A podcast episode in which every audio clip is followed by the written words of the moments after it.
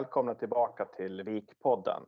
Det var väldigt länge sedan sist, så man får slå till med den gamla klyschan att helt enkelt att bättre sent än aldrig.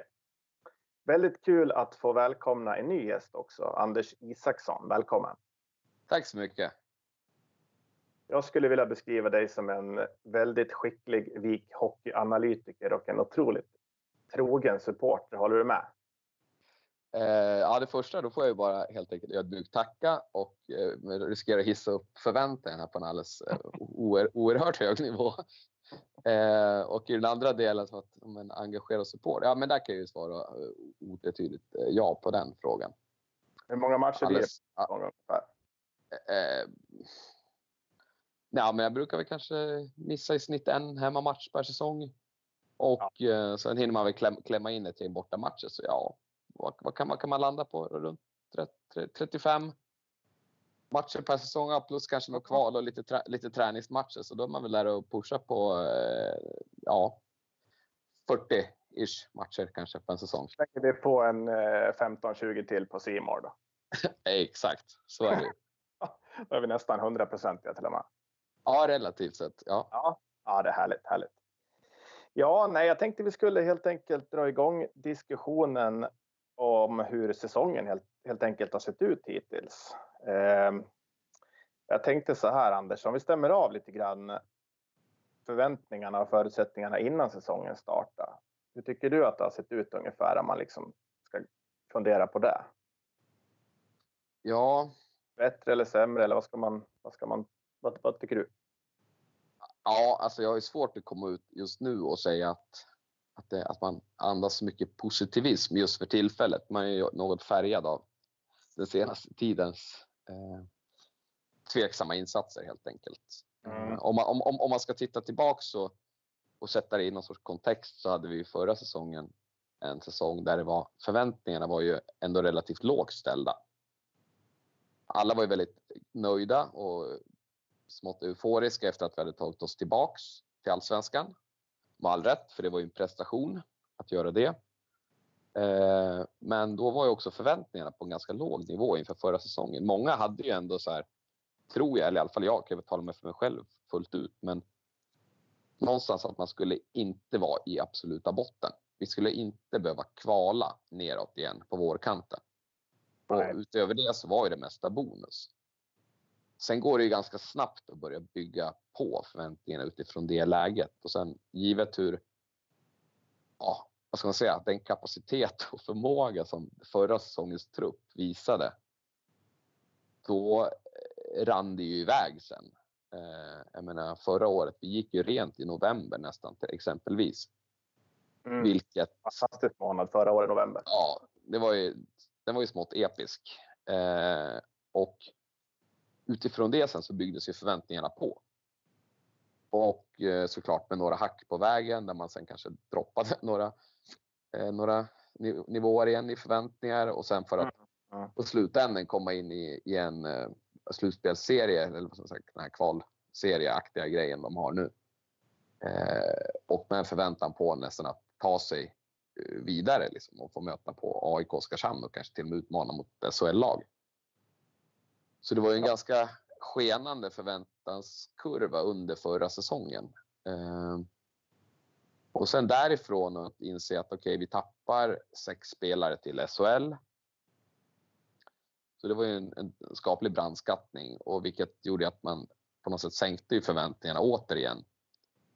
Men sen jobbades det ju på bra ja, ja, från eh, Zetterbergs sida och med benäget bistånd av de andra som är involverade i sånt och byggde en, en ny trupp som var spikad ja, på det stora hela ganska tidigt. Som kändes väldigt bra ändå.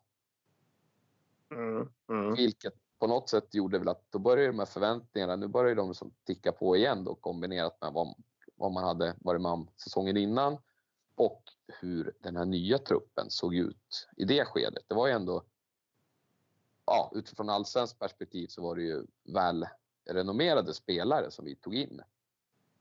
I bra ålder och som liksom, ja, Och man kan ju inte göra annat då än att titta på hur Zetterberg har lyckats tidigare. Och han har ju, då har det visat sig vara väldigt välvalda nyförvärv om man säger så. Så den scoutingen och, och en viss flyt också kanske. Men eh, så det är klart att för, förväntansnivån den var ju ganska hög ändå innan säsongen. Mm. Och, eh, ja, och givet att Leksand hade försvunnit till exempel och så vidare. Så att det, jag såg, jag kanske inte uttalat tippade Vik etta eller tvåa. Riktigt så långt gick jag inte, men eh, jag hade nog definitivt en känsla av att topp fem, men förhoppningsvis kanske topp tre. Ja. Där, där någonstans ska man säga om man ska ge en liten recap av ungefär hur förväntansbilden ser ut från min sida. ja, jag kan väl egentligen bara hålla med faktiskt. Ja, ja, nej, jag tänker det. Då är nog, jag tror inte, och jag var inte direkt ensam om det heller om man liksom tänker när man pratar runt med andra supporters och vänner och liksom sådär. Och även om man tittar lite grann hur det sett ut i media. Ja. Och därifrån till hur det ser ut idag. Okej, okay, vi ligger väl femma just nu va? Mm. Ja, men med ganska litet glapp neråt och dessutom fler spelade matcher vilket innebär att vi kan väl rassla ner till sexa eller sjua om det vill sig illa. Eh, inom, ganska, inom ganska kort. Och ja visst, man ska inte sen bara bedöma exakta tabellplaceringar i ett givet läge men det är nog mer hur spelet har utvecklat sig eller kanske snarare hur det inte har utvecklat sig som har gjort att eh, det finns en viss känsla av besvikelse ändå eh, och frustration i dagsläget. Så kan man väl säga kopplat till, till den förväntansnivå som man hade innan. Ja, nej, som sagt, jag kan bara hålla med och eh, skrev en krönika där på, på Svenska fans innan säsongen och då det, det tog jag ut tre grejer som, eh, som någonstans kanske skulle bli svårt att ersätta. Och målvaktsspelet var en av dem. Sen vårt fantastiska powerplay som vi hade förra säsongen. Men sen en annan grej också, Kalle Östmans eh, vinnarskalle som jag i alla fall uppfattade som ganska extrem. Ja, jo, det har jag också fått den, den, den, bilden. Han var väl nästan i klass med Peter Forsberg som man har hört. Kanske delvis skrönor, men uh, ja.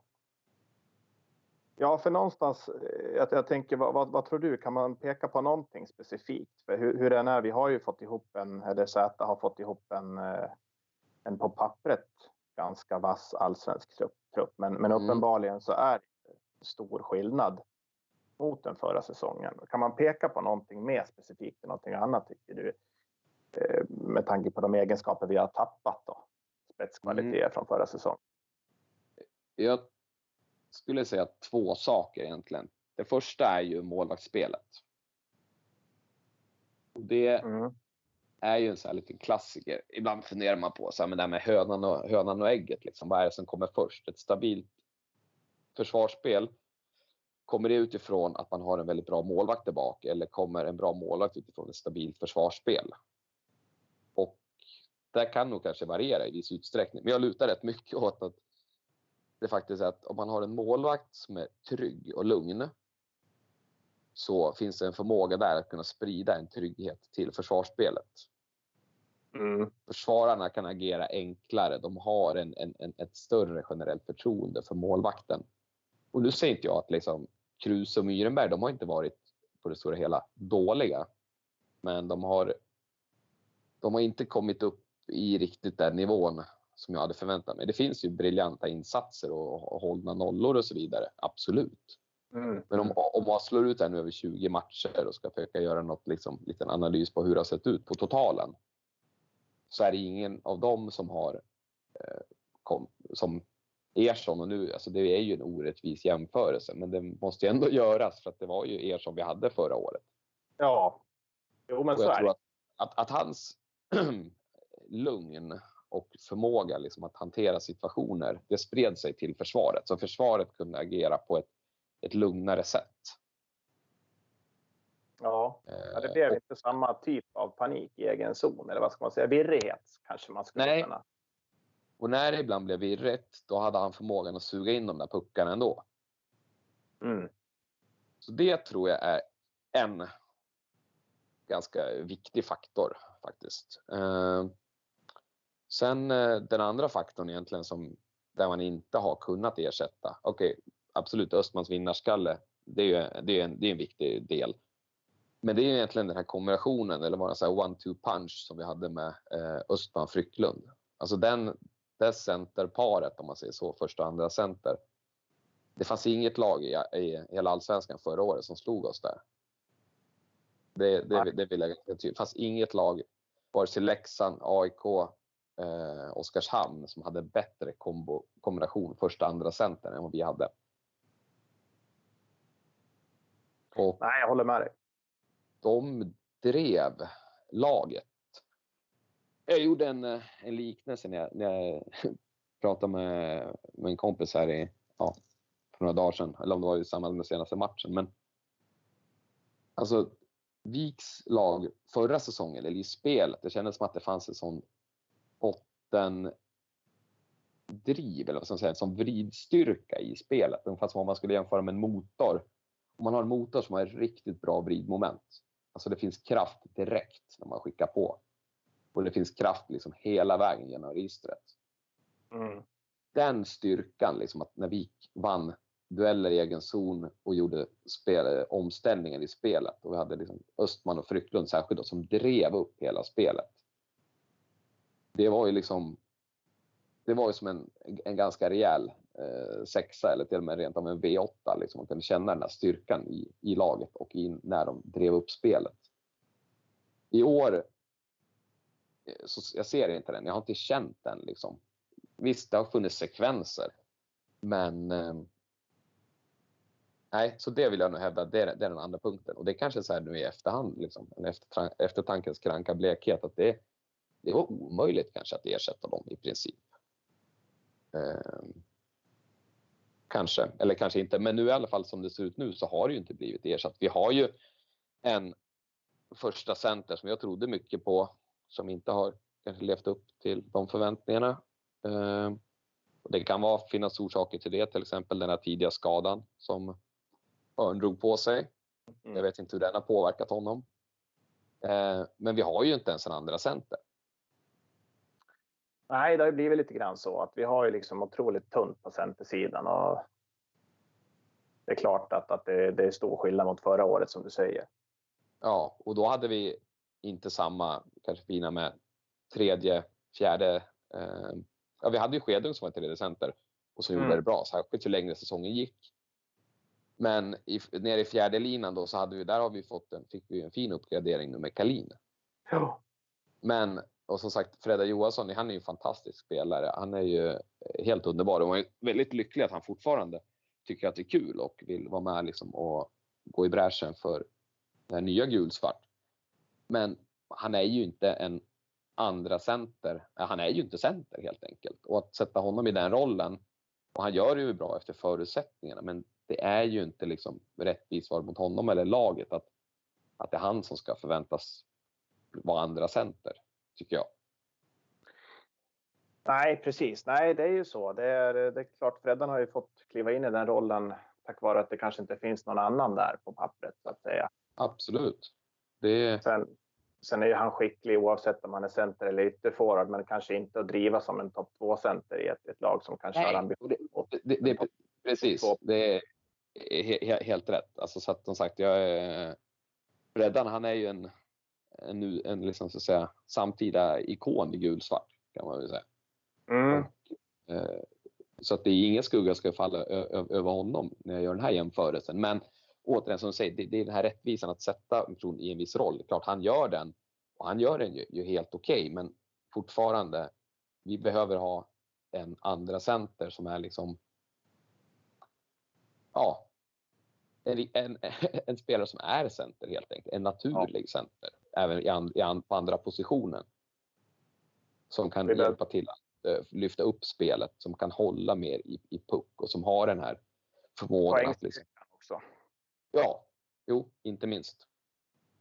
För det har vi ju sett att vi har fått dålig produktion på, på våra, eller våra förväntade spetsspelare. Men en annan sak som jag tänkte vi skulle jämföra lite grann mot föregående säsongen, det är ju det här att som du säger, sekvenser har vi ju där vi faktiskt spelar bra. Det kan ju vara en period eller i alla fall en halv match här och var. Men sen så dippar vi ju otroligt hårt. Men jag tänker på förra säsongen, då, var, då blev vi ju egentligen starkare eh, ju längre matcherna led. Och så vi var otroligt starka i tredje perioden och vände många matcher mm. och försvarade ledningar och så vidare. Och en eh, fråga som har diskuterats ganska hårt, eh, exempelvis på, på Twitter och andra sociala medier bland, bland fansen, det är just det här att ja, men rent krasst, är spelarna sämre tränade i år eller sitter det mentalt? Liksom? No, no, vad, vad, ska man tro? Ja, jo, den där frågan har man ju hunnit älta några varv för sig själv också. det måste erkännas.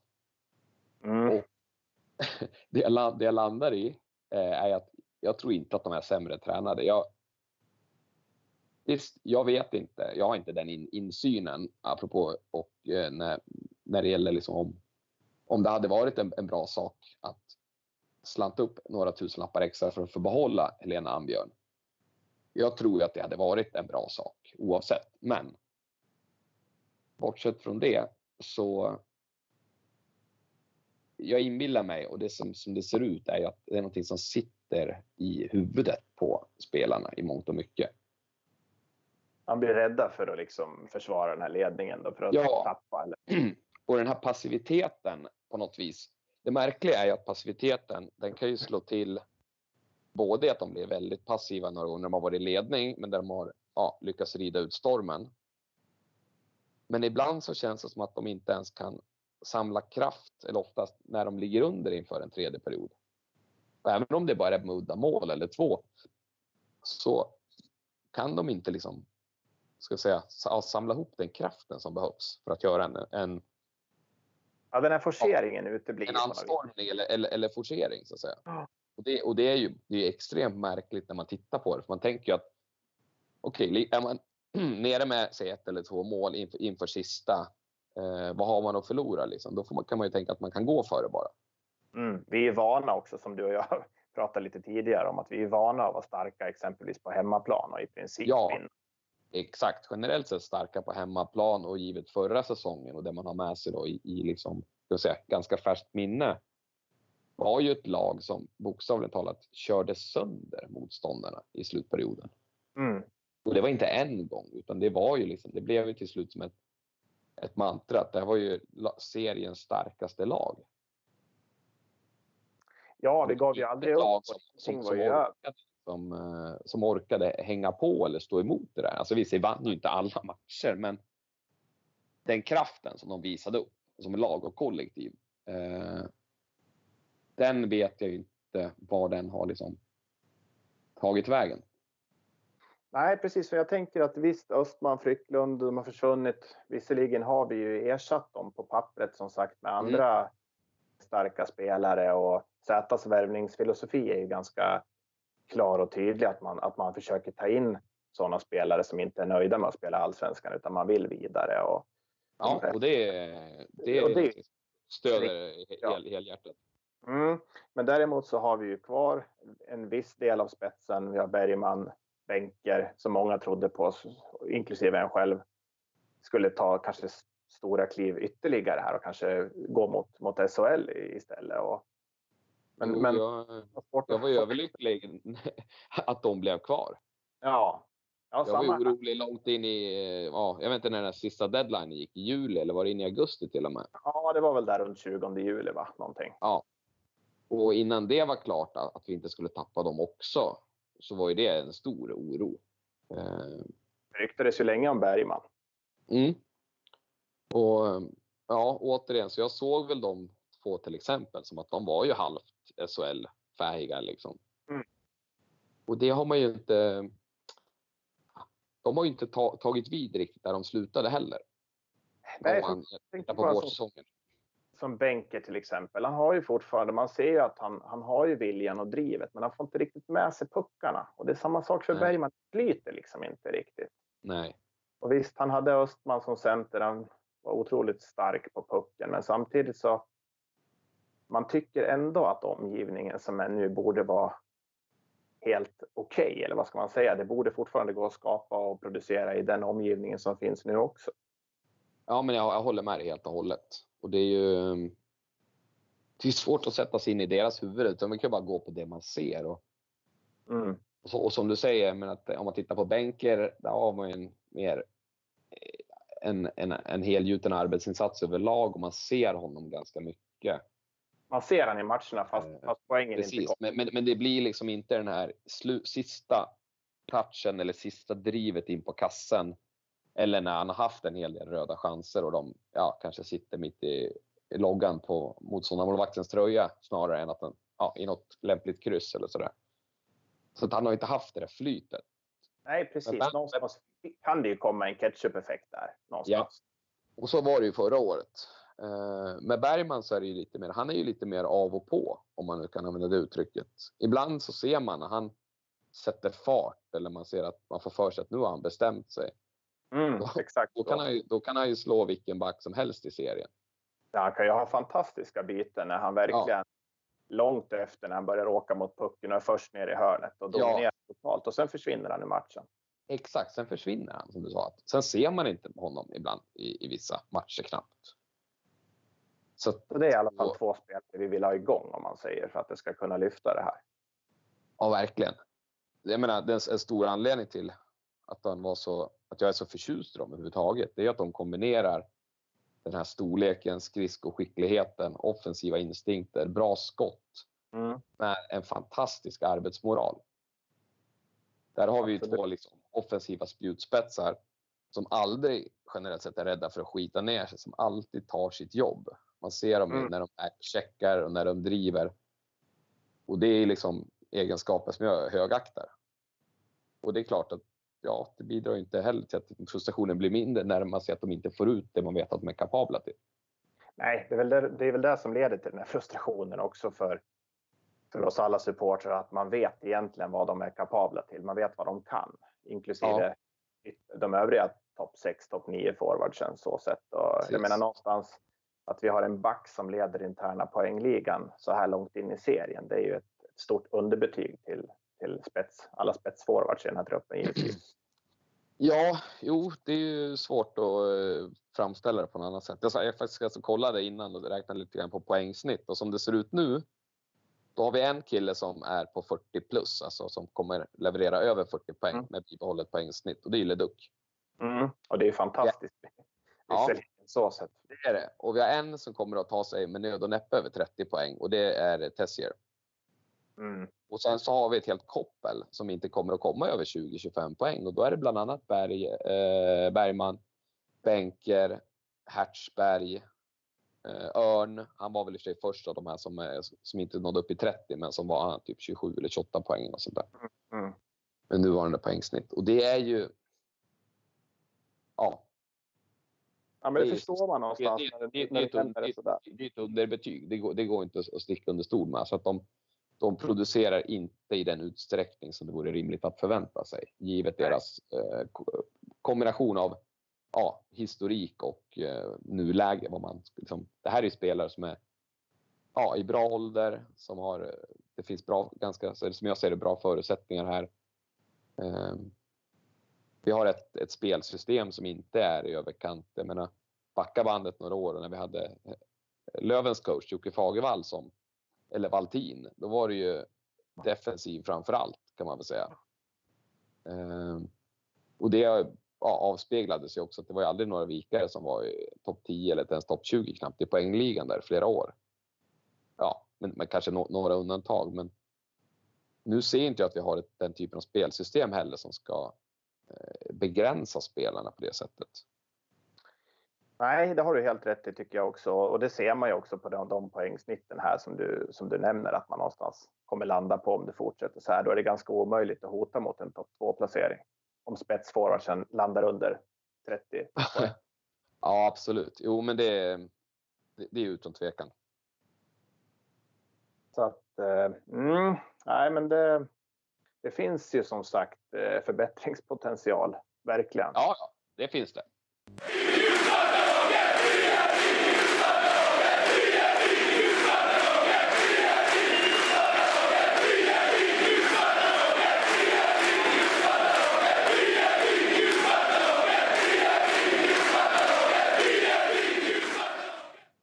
Om vi skulle gå igenom lagdel för lagdel lite, lite kort så där. Nu har vi ju redan pratat lite om forwards och även backarna, men eller även målvakterna. Men, men om, vi, om vi ska prata lite mer om målvakterna. Och det är ingen som riktigt har tagit mm. tag i den här första spaden som är så viktig.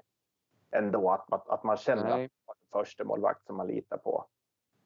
Nej. Vad tror du om den kampen i slutändan?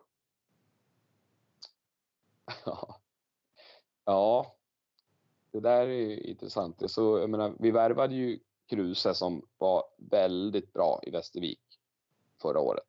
Mm. Och Myrenberg som var ett stort löfte men som inte hade visat i, i, princip. Ja, han hade ju någon, någon, någon match i, i Vik. Han hade ju också någon otacksam där blev inbytt där på, på hemmaplan när vi blev eh, lite till, tilltvålade. Men eh, om man säger så, jag hade nog ändå, min känsla var nog att ja, jag tror inte vi skulle få se eh, en Ersson 2, liksom att Myrenberg skulle peta undan eh, Kruse. Däremot så räknar jag med kanske en fördelning på mm, säg 30, 20, 30 matcher på, på Kruse, 20 på Myrenberg kanske något sånt. Mm.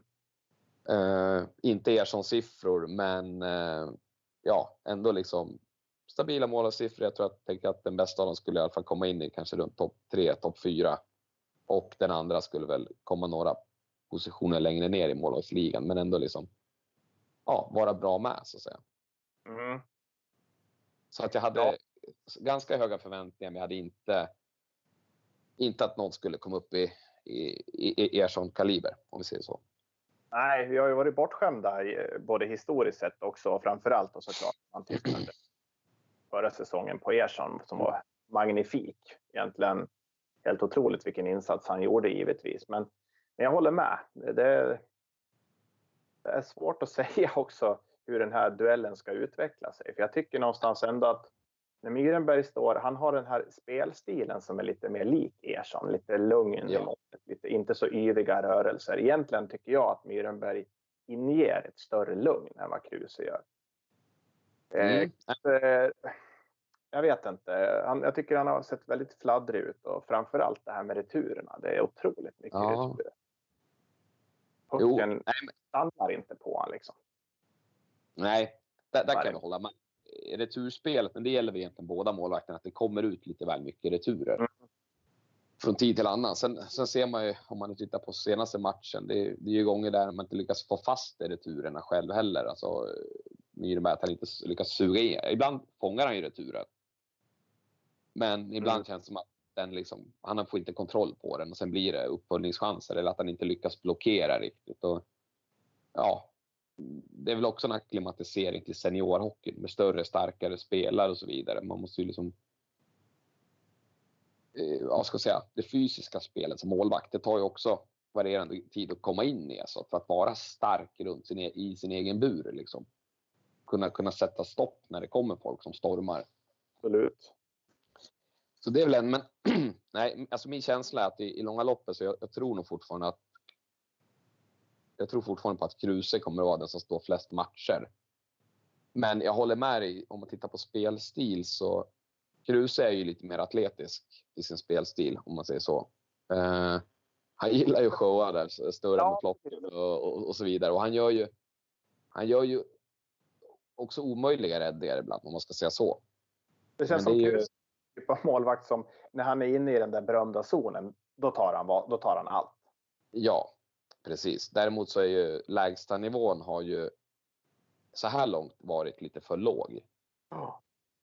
Och särskilt då med tanke på att spelet i övrigt inte har klaffat riktigt så där som vi hoppades så hade vi haft ännu större behov av att ha en målvakt som steppade upp ännu oftare och hjälpte till att rädda hem matcher. Mm.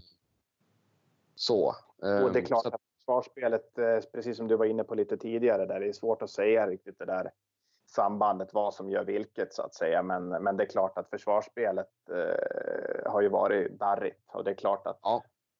att det speglar av sig även på målvakten, precis som en, en, en darrig målvakt speglar av sig på som gör försvarsspelet i allmänhet darrigt. Det hänger ja, ihop givetvis. Absolut, det, fin det finns en tydlig växelverkan där me me mellan mm. och det kan gå åt, åt, åt, båda håll, både positiv och negativ riktning så att säga. Eh, men sagt, jag gillar ju det jag sett av Myrenberg också. Jag håller med dig. Jag tycker han, är, han spelar väl, eh, väldigt sammanhållet liksom, och väldigt... Eh, Lugna rörelser liksom. Ja, precis. så sätt. Däremot så finns det ju återigen, det är en ung målvakt. Det finns, det finns mycket förbättringspotential där också. Eh, och det är till exempel det med positionsspelet. Det, men det gäller för sig egentligen båda målvakterna. Jag har jag brukar ofta få, bli, få en viss oro i kroppen så fort någon motståndare sätter fart, går runt målet på, alltså, och sen ska runda kassen. För att det har hänt flera mm. gånger att målvakterna, både Krus och Myrberg, har blivit kvar eller liksom inte kommit loss riktigt. Eller kom, kommit ut för långt. Eller alltså de, ja, precis. Det känns som att det har varit liksom just den där position, positioneringen. Den har varit eh, mm. något suspekt ibland. Ja, och det är väl lite grann samma där som vi pratade om forwardsen. Att, att någonstans så känns det som att eh, det finns en förbättringspotential. Någon av dem skulle ju när som helst kunna ta det där klivet och, och spika igen lite mera. Och det är klart. Jo, men det, och det tror jag också. Känslan är ju att om de hittar in i en zon där, där, där det finns lite mer harmoni. Och då är det inte bara deras egen zon utan alltså truppen och laget. Liksom. Då mm. kommer ju också målvakten att kunna lyfta. För vi har två, i grunden, vi har två bra målvakter. Det, det är min, fortfarande min, min tydliga känsla. Ja, det håller jag med dig helt klart. Det, det Men vi, vi, vi, vi, har hittills haft, hittills kan man väl säga på 20 matcher så har vi haft vad vi skulle vilja kalla ett ganska medelmåttigt målvaktsspel. Men det gäller ju skillnad på liksom spelet och eller prestationen och personen. Um, eller prestationen och den potentiella förmågan så att säga. Mm. Mm. Hålla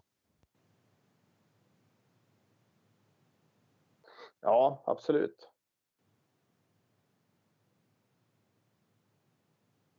Ja, vad ska vi säga om backarna då?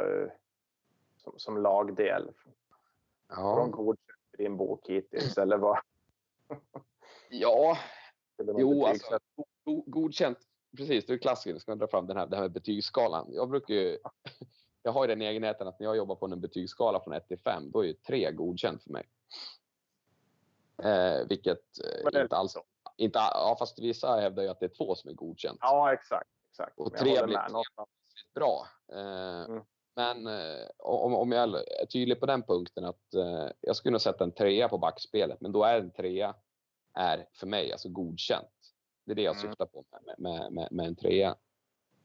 Eh, vi har ju tappat, jag menar Living, hans kvaliteter, de de blev ju väldigt tydliga ju, ju längre förra säsongen led.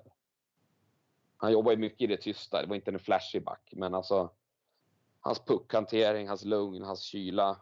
Um, och att trots att han inte var så stor och inte jättesnabb så lyckas han ju ofta hantera situationer även med större, snabbare spelare i egen zon. Roligt passningsskicklig också. Jag slog nog inte bort mer än en handfull passningar på hela säsongen är känslan när man tänker tillbaka. E e e exakt, så, menar, en sån kille väldigt saknad. Eh, tittar vi sen på såklart eh, eh, Alex som vi tappat till Brynäs. Han, eh, han tog ju sju mila kliv förra säsongen. Och det är nästan, det är inte en överdrift, det är snarare en, en underdrift. Han gick ju från att ha varit frågasatt nästan på division 1 nivå på grund av vissa svagheter i sitt spel mm. till att bli Viks kanske sett till totalen bästa back förra säsongen. Ja, det är en otrolig resa på en säsong egentligen. Ja, och hans, hans plus minus, jag menar kolla hans insatser i det offensiva spelet, jag kunde styra powerplay, men även sen ju längre säsongen gick, hans stabilitet i egen zon. Det var inte, inte heller många bortslagna passningar. Han, trots att han inte var den som åkte på och smällde på så lyckades han hålla, ofta hålla rent eh, och ta hand om sin gubbe och så vidare. Eh, så det är klart, de två är ju ett, ett jätteavbräck. Men Leduc som har kommit in är ju med beröm godkänt. Man kanske inte ska dela ut en femma än så länge, men det är fortfarande, han har ju gjort det fantastiskt bra och det var ju också en värvning lite av sista minuten av Z. Ja, lite chansning är det väl ändå över den. Det, det, måste man ju säga. Ja, med tanke på att vi tappade Ingman. Mm. Där var det ju liksom, aha, plötsligt så hade vi en av våra tilltänkta toppbackar. Han vi aldrig ens liksom, ja, få se, inte vi som publik i alla fall. Nej, precis. och att då få in eh, Leduc istället, det var ju fantastiskt. Eh, Verkligen. Men tittar man sen så, ja, alltså det finns ju några som man vill plussa för. Jag menar, Jimmy Jansson, han har ju tagit fortsatta kliv och särskilt i det offensiva. Eh, måste man ju säga. Och han leder ju på något underligt sätt hela lagets målliga nu med sina ja. sju mål. Ja, vi har en back som leder totala poängligan och en som leder målligan. Det är... Ja, och det är ju skitkul för Jimmy. Det liksom, finns ju ingen som har unnar sådana framgångar mer än honom. Eh, så allt gott där, men sen kan man tycka att någon annan borde kunna ha gjort mer än sju mål, men det, det är en annan historia. Eh, jag vill plussa för Kenny Källström också som har eh, klivit upp fint liksom. Eh, klart bättre än vad jag hade ändå kanske förväntat mig. Men nu när han har fått vara hel och haft en riktigt bra försäsong så ser man ju att han har betydligt mer att ge laget än vad man fick se förra säsongen. Mm. Och sen har vi också på plus där man ska dra in ytterligare någon back så är det ju Ernberg. Och där såg, inte, där såg inte jag så mycket om jag ska vara helt ärlig. Eh, och var lite fundersam, eller ganska mycket fundersam. Till när Zäta och Pannen valde att och satsa, satsa mer på, på honom. Men jag tycker att det visar tydligt bara hur eh, mycket bättre de är på det där än vad jag är. Eh, och tur är väl det. För att han, han har ju också kommit, särskilt de senaste matcherna, säg sista sju, åtta, tio matcherna kanske. Så har ju han, han kommit. på sin länge där först. Ja, precis. Så att han har ju kommit riktigt starkt här. Eh, och han gör ju såna här grejer som inte många andra gör. Han har tempoväxlingar. Han slog en, en flipppassning där fram till Anton nu i, i senaste matchen till mm, exempel. Mm, den var riktigt fin. Eh, och, och, så vidare. Och han jobbar med en otroligt härlig intensitet. Fötterna går, klubban går. Alltså han jobbar, det är högintensivt trots att han inte är så stor. Mm. Det vill jag hävda gör hela grejen. Eh, och kan han fortsätta på den inslagna vägen, då, då kommer det där bli kalas. Då är det mer frågan hur länge han blir kvar här. Ja, jag håller med. Han har gjort en fantastisk, eh, fantastisk första säsong där, där, han har fått chansen hittills. De här senaste ja. matcherna. Helt att, klart. Och sen så finns väl ja, ett, ett, gäng till då. Vi, kan som, behöver väl inte gå igenom alla nu, men om man ska titta på det som är under, där de inte har liksom kommit, det som har kommit in under förväntan, det är ju egentligen särskilt två nyförvärv.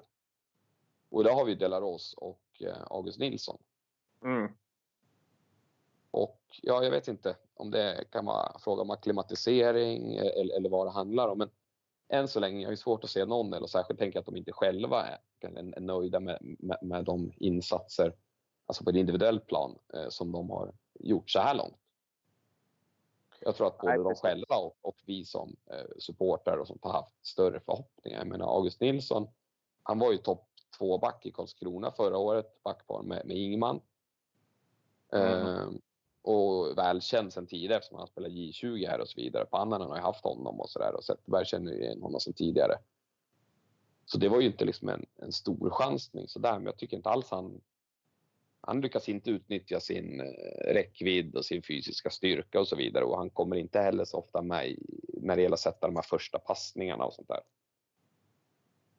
Nej, precis. Och det är också en, i och för sig en, en ganska klassisk sak där att back i 21-22 års ålder någonstans tar lite kliv mm. framåt så svajar det tillbaka. Så att, ja, vet att potentialen finns där precis som du säger, men, men, men den kommer inte ut här och nu i alla fall. Det kan vi, kan vi vara överens om. Nej. Det är ganska intressant egentligen det du är inne på för att eh, om, man, om man ser till enskilda backprestationer så är de ju, precis som du är inne på ganska, ganska starka på, på flera håll. Men ändå så har vi så otroligt svårt i egen zon när det går emot oss. Då blir det mm. den här virrigheten som uppstår och vi faller ihop som ett, som ett korthus. Som lag så att säga, som kollektiv. Ja. Och då är det, ju även intressant. Och då ska man alltid tänka, in eh, forwards roll i försvarsspelet. Så det är ju aldrig bara att backarna inte spelar ordentligt försvarsspel utan man ja, försvarar ju som ett kollektiv så att säga. Och, ja, för visst är eh, känslan så att, att, att vi hamnar, det är inte bara en spelare som hamnar fel i, i, i egen zon i de situationerna utan det, det är tre, fyra stycken samtidigt som hamnar ja. fel. Det är det som är lite oroväckande. Ja. Samtidigt som det i och för sig känns som att det borde kunna gå att rätta till. Ja, absolut. Och det är därför man kan säga man kan vara frustrerad och besviken, men man kan ju som sagt, det, är inte riktigt läge att börja gräva ner sig efter 20 omgångar. Ehm, så, så är det ju. Verkligen, Mm. det finns ju, potentialen finns ju här.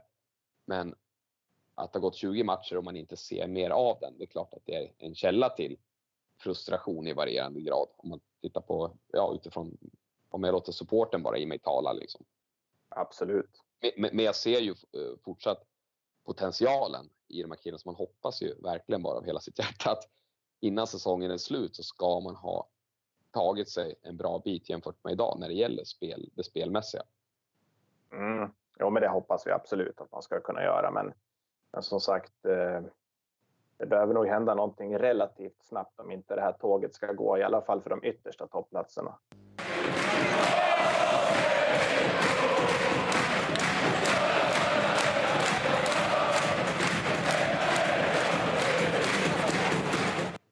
Ja, här, Anders, eh, om, om, om, vi skulle kasta in dig här och nu på sportchefstolen eh, och sen säga att det finns ett, ett visst ekonomiskt utrymme. Vad, Mm. vad skulle du hitta på då? eh, jag skulle, ja det är två saker egentligen. Jag skulle vilja ha in en center. Eh, Den, sätter jag som nummer ett. Mm. en producerande center. Eh, men inte en, eh, inte en envägs, ska vi säga, det är ju inte en Evan McGrath som jag är ute efter om vi säger så. Nej, det vill ta någon som tar, tar hänsyn till defensiven. ja, exakt. Inte, inte någon som jag bruk- börjar kalla syltrygg, även om man gör tre poäng liksom, och sen plötsligt har han ändå minus i, i statistiken eller tycker inte att det är kul att jobba hem i vartannat byte, eller om ens det. Utan det är inte bara skills vi är ute efter, för han var förbannat skicklig när han tyckte att det var kul, men han gjorde inte jobbet. Liksom. Och det skulle, det skulle aldrig flyga, i, särskilt inte med, under det här ledarskapet heller. Utan vi behöver ju ha en kille som är stark i offensiven, stark på puck, duktig på att liksom kunna skydda puck och driva upp pucken och kunna liksom sätta upp sina medspelare. Men som också tar jobbet tillbaka, som har en bra liksom, en, en stark skridskoåkare helt enkelt. Mm. Eh, gärna, gärna, gärna med en skaplig kroppshydda. Jag gillar ju, jag är ju svag för eh, tunga centerpjäser som Mm. liksom kan bana väg, liksom, bokstavligen talat. Och kanske någon också som kan hålla i pucken den här extra avgörande sekunden Nej, ibland hitta de där lägena. Ja. Mm. Så det, det, är ju, det är ju nummer ett. Och eh, nummer två är ju faktiskt en, eh, en back. För att jag, ser, jag tänker väl så här att dels, nu har vi varit förskonade från, eh, ja, vi har haft Delaros borta på någon skada och Leduc missade ju någon, blev det två matcher, eller en match han missade med okbenet där. Men annars på 20 matcher så har vi inte tappat jättemånga eh, backar på skador. Nej. Ser man det över återstående 32 matcher, sannolikheten att vi eh, skulle gå lika förskonade på skador som vi har gjort under de första 20, nej, den är väl inte sådär jättestor kanske. Utan det kan hända. Nu hoppas man att det inte gör det, men eh, så, så jag känner att vi skulle behöva bredda backsidan, för jag är inte heller säker. Jag hoppas ju de här killarna som jag känner inte har kommit upp i nivå, att de gör det, men att alla de skulle plötsligt gå från att ja, underprestera till att plötsligt komma upp i, i förväntad eller av den nivå man kan hoppas på. Nej, jag tror nog inte riktigt det. Nej, kanske inte så här långt på säsongen att det skulle ske. Väl kanske och, och tro och hoppas kanske Ja. på lite. Och givet att man känner med att ja, men vi ska sikta, vi, vi, ska faktiskt, vi ska vara med där i toppen och vi ska kunna vara med och verkligen hota när det kommer till eh, ett, liksom, ett, eh, ett kval sen framåt. Eller en slutspelsserie eller vad, vad man nu kallar den där serien. Jag har glömt redan. Eh, det är inte kvalserien i alla fall. Utan, eh, men Ja. Väl slutspelserien liknande. Jag ser det. Det, det, Ja. det, det, det, det, det. Ja, och det känns skönt. Tack. Eh, ja, precis. Det blir intressant. Det, det är en annan historia. Eh, nej, men alltså jag, jag menar, I den bästa världen då skulle man kunna få in en, en, en defensiv, alltså en, en härförare. Liksom. Alltså en, en riktig backpjäs. Eh, Eh, Robban som- Jakobsson, eh, år 14-15 där. ja, men absolut. Jag såg att han hade gjort två ass på 18 matcher i Gnaget. Så att, eh, det kanske var tur att inte det blev som jag tänkte, att han skulle kunna komma till gulsvart istället. Mm. Eller så hade han det mycket bättre om han hade kommit hit. Det ja, inte... det är sånt svårt att säga om man har dragits ner totalt av det. Ja. Men, men, men, exakt den typen som du sa nu. nu där hade vi en, en kille som gick i bräschen i defensiven. Han var ett offensivt hot. Han spelade PP och han var ju inte den som var rädd för att sänka någon heller när det behövdes. Nej, jag, jag, skulle jag tänka på någon backtyp precis så skulle jag gärna ta in en, en exakt kopia av Robin Jakobsson den säsongen i alla fall. Ja, precis. Eh, nej, han, eh, han, eh, han, han liksom låg mig väldigt snabbt väldigt varmt om hjärtat, så mycket kan jag säga. Eh, så någonting utifrån den, eh, den mallen, eller vad man skulle säga. Det hade ju varit i, i den bästa av världar. Ja. Men vad tror du då? Kommer vi få se några rokader här inom den närmaste tiden? Det är väl inte helt otroligt att, att tro att någonting kommer hända i alla fall. Nej, jag, men jag håller med dig. Jag, jag, tror, jag är rätt övertygad om att det kommer att hända någonting. Eh, sen, jag tror, jag, om, om jag skulle gissa vad, vad de går på först så är det att eh, hitta en, eh, en, en, en till center för någon av topp två eh. Och det ser vi ju nu också när, när både Fredda och, och Kalin var borta igår hur, hur, hur tunt det blir på just den positionen. Det, om det är tunt ja. från början, om man tänker spetsmässigt sett, så blir, så blir det ju nästan... Ja, nej, re, re, rent krasst så, så är vi nere på två naturliga centrar nu i matchen ja. Modo. Mm. Och det, det gör ju inget... Eh, jag menar, det har inte varit liksom ja, ett, ett spel i, i, harmoni och så vidare tidigare och det är ingenting som på något sätt blir bättre av att man tappar ytterligare eh, i, i, i mitten så att säga. Nej, för Tessier har vi ju sett nu. Han har ju provat lite grann och det, det funkar ju uppenbarligen inte. Han, eh, han passar inte in som center i det här, inte i det här laget och den här ligan Nej. i alla fall. Eh, Jesper Johansson har ju också provat lite grann till och från både den här och förra säsongen och mm. Han passar ju inte heller riktigt där. Visst, han, han, han hanterar det väl i en fjärde line, men, men eh, Ja, han kör ju. Han kör ju alltid. Kör, liksom. Liksom. Eh, det, det, det, är alltid härligt att se honom och, och, och den totala arbetsinsats han gör, men apropå om man ska, det här med att man ska vara, ge folk en, en rimlig chans, eller som när de satte in honom som var det första andra center i, i Ja, den var lite märklig tycker jag faktiskt. I tidigt där när jag skadade sig. Ja, där fick jag några ytterligare rynkor i pannan bara av mm. hur, hur gick det tänket? Jag menar, Precis. tror man att han ska kunna göra sig själv någon typ av rättvisa i den, i den rollen? Eh, ja, det var lite konstigt. Men, ja, eh, jättekonstigt faktiskt. Ja. Så. Jag tänker på det här med Pananen. Han, han pratar ju väldigt mycket om det här och det är ju eh, otroligt intressant.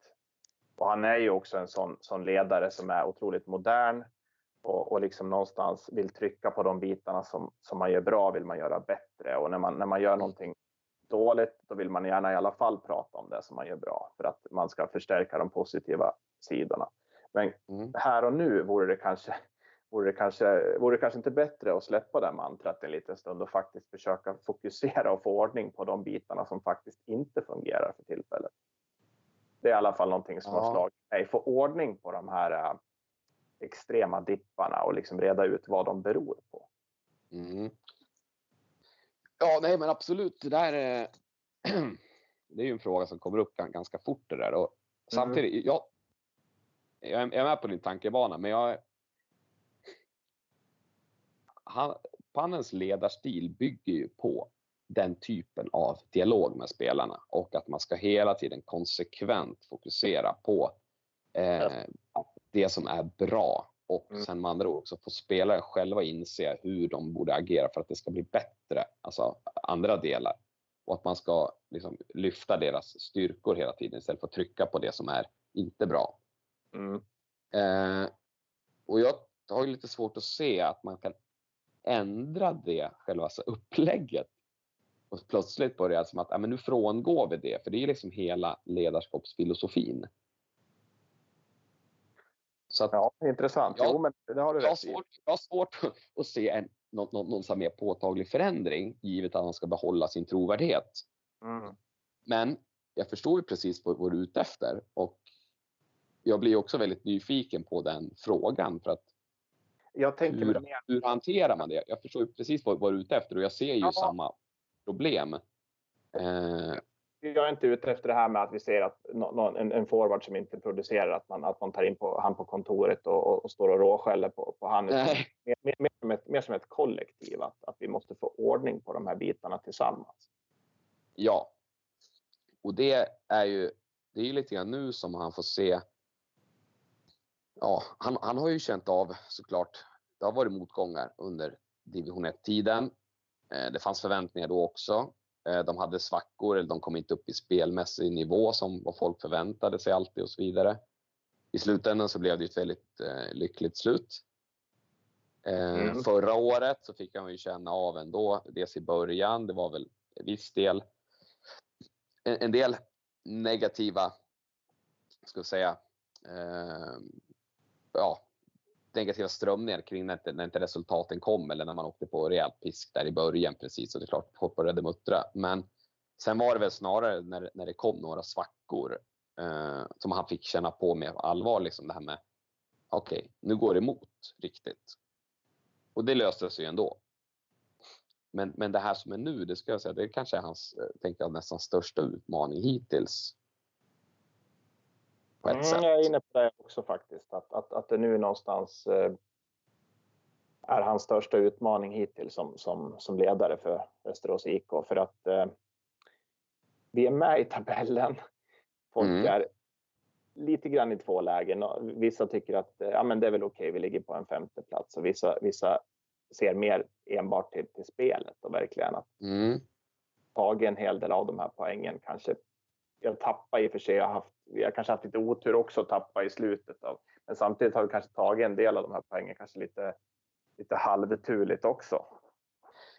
Ja, det är klart att det har gått åt jag båda håll. Jag, jag, jag, jag är nog mer benägen att tycka att vi har tappat fler poäng än vad vi har eh, så att säga, haft flax och fått med Mm. oss poäng. Jag skulle ändå säga att vi är någonstans på något netto så är vi på minus. Eller att vi har ju tappat mer än vad vi har fått med oss på flyt. Jo, så är Men- min men- känsla också. Men även, Men- även motsatsen finns där. Ja, absolut.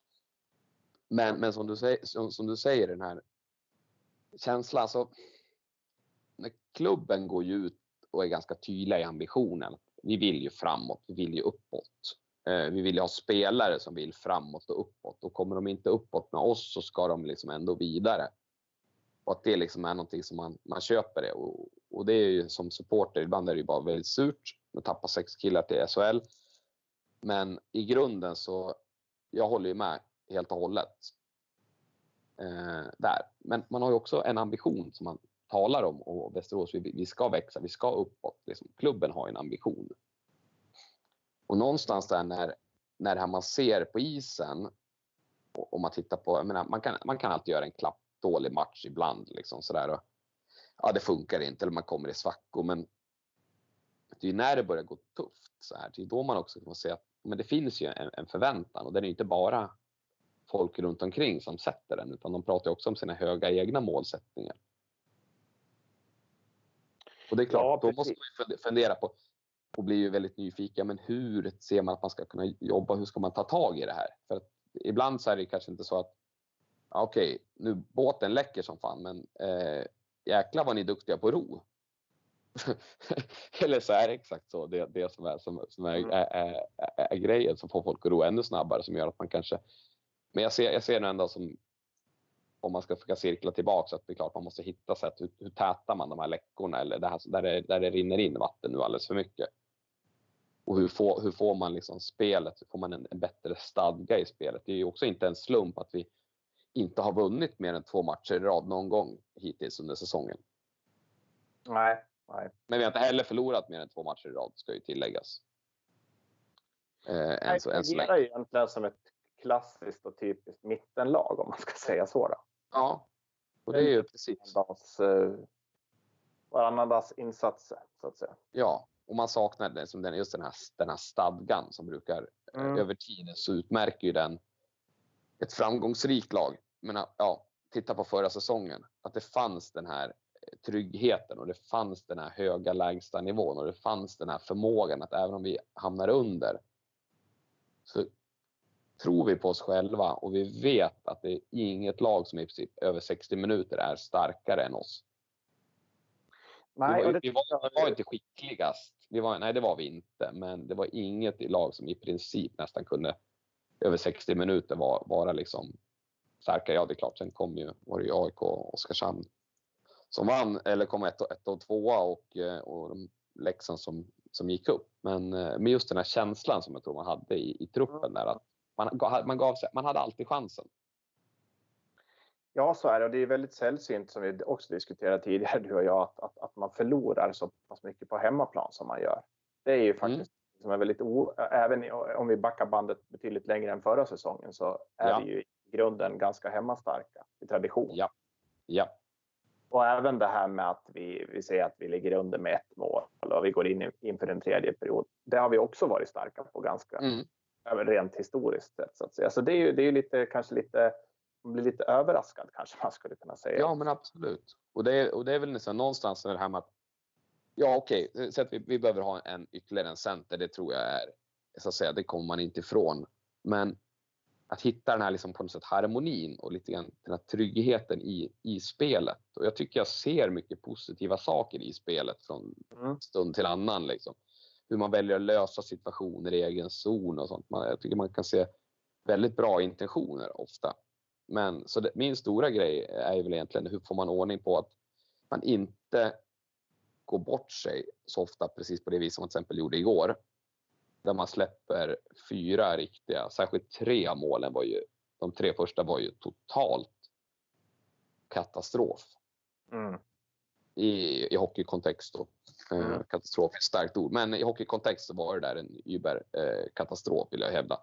Att man släpper de där tre och sen kommer ju fyran, ja, ganska som ett brev på posten där efteråt de grejerna måste man ju få ordning på. Så där kan man ju inte agera som ett lag om man tittar hur, hur spelarna går. Man tappar bort sina markeringar, man snurrar, vrider, vänder. Målvakten får inte tag på pucken ordentligt. Den åker. Alltså, han, han, Jonathan Johansson han sätter ju två i öppen kasse i princip. Ja, ja. Han har ju tom mål. Han bara kan stöta in för puckarna bara ramlar in där. Eh, de grejerna behöver man ju definitivt få ordning på. Ja, det, gör, och, hur man gör det och hitta den liksom tryggheten och harmonin i truppen för att kunna hantera sådana lägen på ett bättre sätt. Där har inte, där har inte jag några där, där, har inte jag några svar att komma med faktiskt. Det är ehm. svåranalyserat på det här sättet. Men, men, och sen förra hemmamatchen där mot, eh, mot Karlskrona också så, så en sak plötsligt och det är det här att i alla fall där och då, det är klart att då hade vi extremt mycket puck i första perioden och i första halvan av andra perioden, men vi mm. hamnar i hörn igen. Det är också ja. lite det här vinnarskalle-mentaliteten som inte finns mm. där när man hela tiden hamnar nere i hörnet istället för framför kassen. Det är klart att då tar man inte heller den här extra smällen som det kan, Nej. kanske för att trycka in den där pucken. Alltså. Nej, och det är en sån här gammal eh, klyscha, men det är ju också en sanning att det blir ju inga mål gjorda i hörnen. Nej. Eh, där man inte ser till att göra en eller två snabba överlämningar, få in pucken centralt och komma till avslut så ökar ju risken ganska eh, rejält med varje sekund som går att man istället tappar pucken i en sarg duell och får en spelvändning på sig. Eh, så den delen. Där har vi snurrat en hel del ja, tidigare säsonger också om man tänker ja, så. Och det är ingenting absolut. man vill tillbaka. Nej, och man vill ju ha såklart man vill få till ett spel där det finns en, en rakare väg som leder mot mål. Eh, och jag tycker vi har spelare som är lämpade för det. Och då gäller det ju att få in den här lite mer en killer instinct. Att okej, okay, nu kommer in över blå. Nu är det, det är målet som är målet som är målet. Tänkte jag säga. Det var ju, mm. ja. Mm. Men precis så egentligen. Alltså det, det, är dit, det är dit vi ska och det är dit pucken ska. Oavsett om man spelar sig in framför kassen eller att man tar skott och hoppas på retur eller att man bara liksom allmänt går in där på kassen och, och skjuter och hoppas på det bästa. Ja, så precis. är det ju där det ska hända. Ja, ja. Eh, så att få, att få till en lite mer rakare anfallsspel där, det skulle jag kanske också göra gott, tänker jag. Sen har jag en sån här käpphäst att häng dem högt. Mm. Eh, och särskilt som det ser ut nu med liksom målvakterna eh, senaste åren. Jag menar, hela senaste åren. Det känns som det är Butterfly-stilen har ju varit etablerad nu i är bra, bra, bra länge. Mm. Eh, det är ju ofta ganska svårt eh, nere lågt att, att få in puckarna. Men att få in det där i ryggmärgen att när man kommer, men det, så länge målvakten inte står kvar, de står inte gärna kvar allt för länge. Då är det ju högt som de bästa chanserna finns. Mm. För, för, förvånande att det är så mycket exempelvis i, i straffläggningar och så vidare att man försöker gå efter isen fortfarande. Mm. Som, Mm. som, som straffskytt exempelvis, eller friläge i allmänhet. Ja, och, och sen är jag menar, om man, om man, nu har inte jag tillgång till någon sån statistik, men skulle man bryta ner och titta på hur målen görs eller utdelning i procent beroende på var man placerar skotten, eh, så är ganska säker på att det skulle falla ut rätt mycket så att det är högre och att du har, du har de två hörnen. Liksom. Att kan du gå i närheten av krysset så ökar ju chanserna ganska rejält att skottet resulterar i mål. Mm. Absolut. Och sen såklart att det får man ju förstå att det, det är inte alla. Dels alla är ju inte Ovechkin. Eh, eller det är ganska få som är. Eh, men men, man ser ju ändå att det är ju inte mängder av fallerade försök på skott i krysset utan det är ju många avslut som inte riktigt håller eh, måttet. Mm. Men sen kommer de ibland de här projektilerna eller när man ser det då är det som att okej, varför gör du inte sådär lite oftare? Och då menar jag inte när någon nyper ett slagskott i krysset och man kommer in precis i cirkeln. Det kan ju hända det också. Men jag Ja. menar de här, de här av, avsluten som är på lite närmare håll där man ändå kan ha lite bättre kontroll med ett handledsskott ofta i regel. Men krångla Kommer inte till det. Försök att trycka upp Nej. den där i. Ja. Och sen kommer man ju missa. Man kommer missa krysset ett antal gånger. Man kommer ju att dra och vi har haft ramträffar och så vidare också. Sånt händer. Absolut. Men jag, jag anser att det är, en, det är en för låg andel av skotten som kommer i, i dem, Mm. på de ytorna. Mm. Mm. Vilket det innebär att ofta, alldeles för ofta så blir min absolut största eh, frustration när någon tar ett avslut, det är ju när man träffar eh, loggan på motståndarmålvaktens tröja. Mm. Lite Jag för tänker-. Lite jobbigt. Ja, det, är få, det finns få skott som har mindre chans att gå in än de som sitter Mm. mitt i eh, liksom, eh, loggan på motståndarmålvaktens tröja. Ja, då kan du lika gärna skjuta över i så fall. De går ju inte gärna igenom där. Nej, nej. Nej. Eh, och jag menar, går man mot stolpen, går man liksom mot krysset, går man, ja såklart, du kommer att missa mål några gånger, ja. Men de här som sitter mitt i magen på målvakten, de var ju aldrig riktigt nära ens. Nej, så är det. Nej. Om, man ska, om man ska lite, lite sån. Men ja, å, återigen, en, en supporters eh, betraktelse.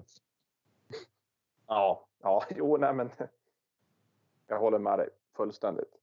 Och man ser ju också nu någonstans ändå en målskytt är en målskytt. Nu har vi fått tillbaka Lukas Zetterberg här och han har gjort tre mål här på, på, på två matcher och, och det är klart att ja, han, han hade behövts från början om man säger så.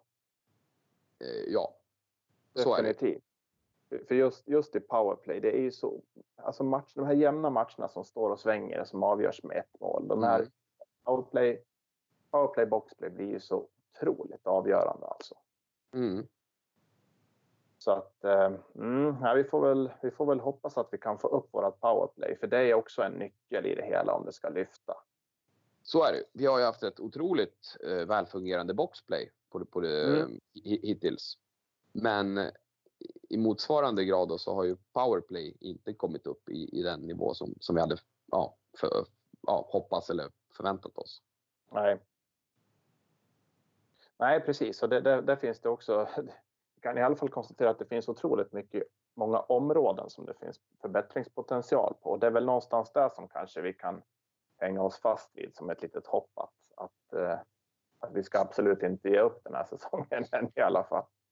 Nej, nej, nej, nej, nej. Så, så är det ju. Jag menar, man måste ju tro på det. Sen så innebär ju inte det, jag menar, ja, återigen i, i rollen som, om man bara ser till sig själv i rollen som supporter, då kan man ju kosta på sig att vara skogstok ena dagen och sen andra dagen så kan man ju faktiskt säga, ja men det är klart, vi måste ju se framåt.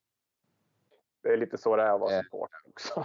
Ja, e- exakt. Man behöver inte vara där, man behöver inte liksom deala eller facea de konsekvenserna liksom och jobba med, med truppen och se till att få alla i ordning och känna i med motgång på det viset.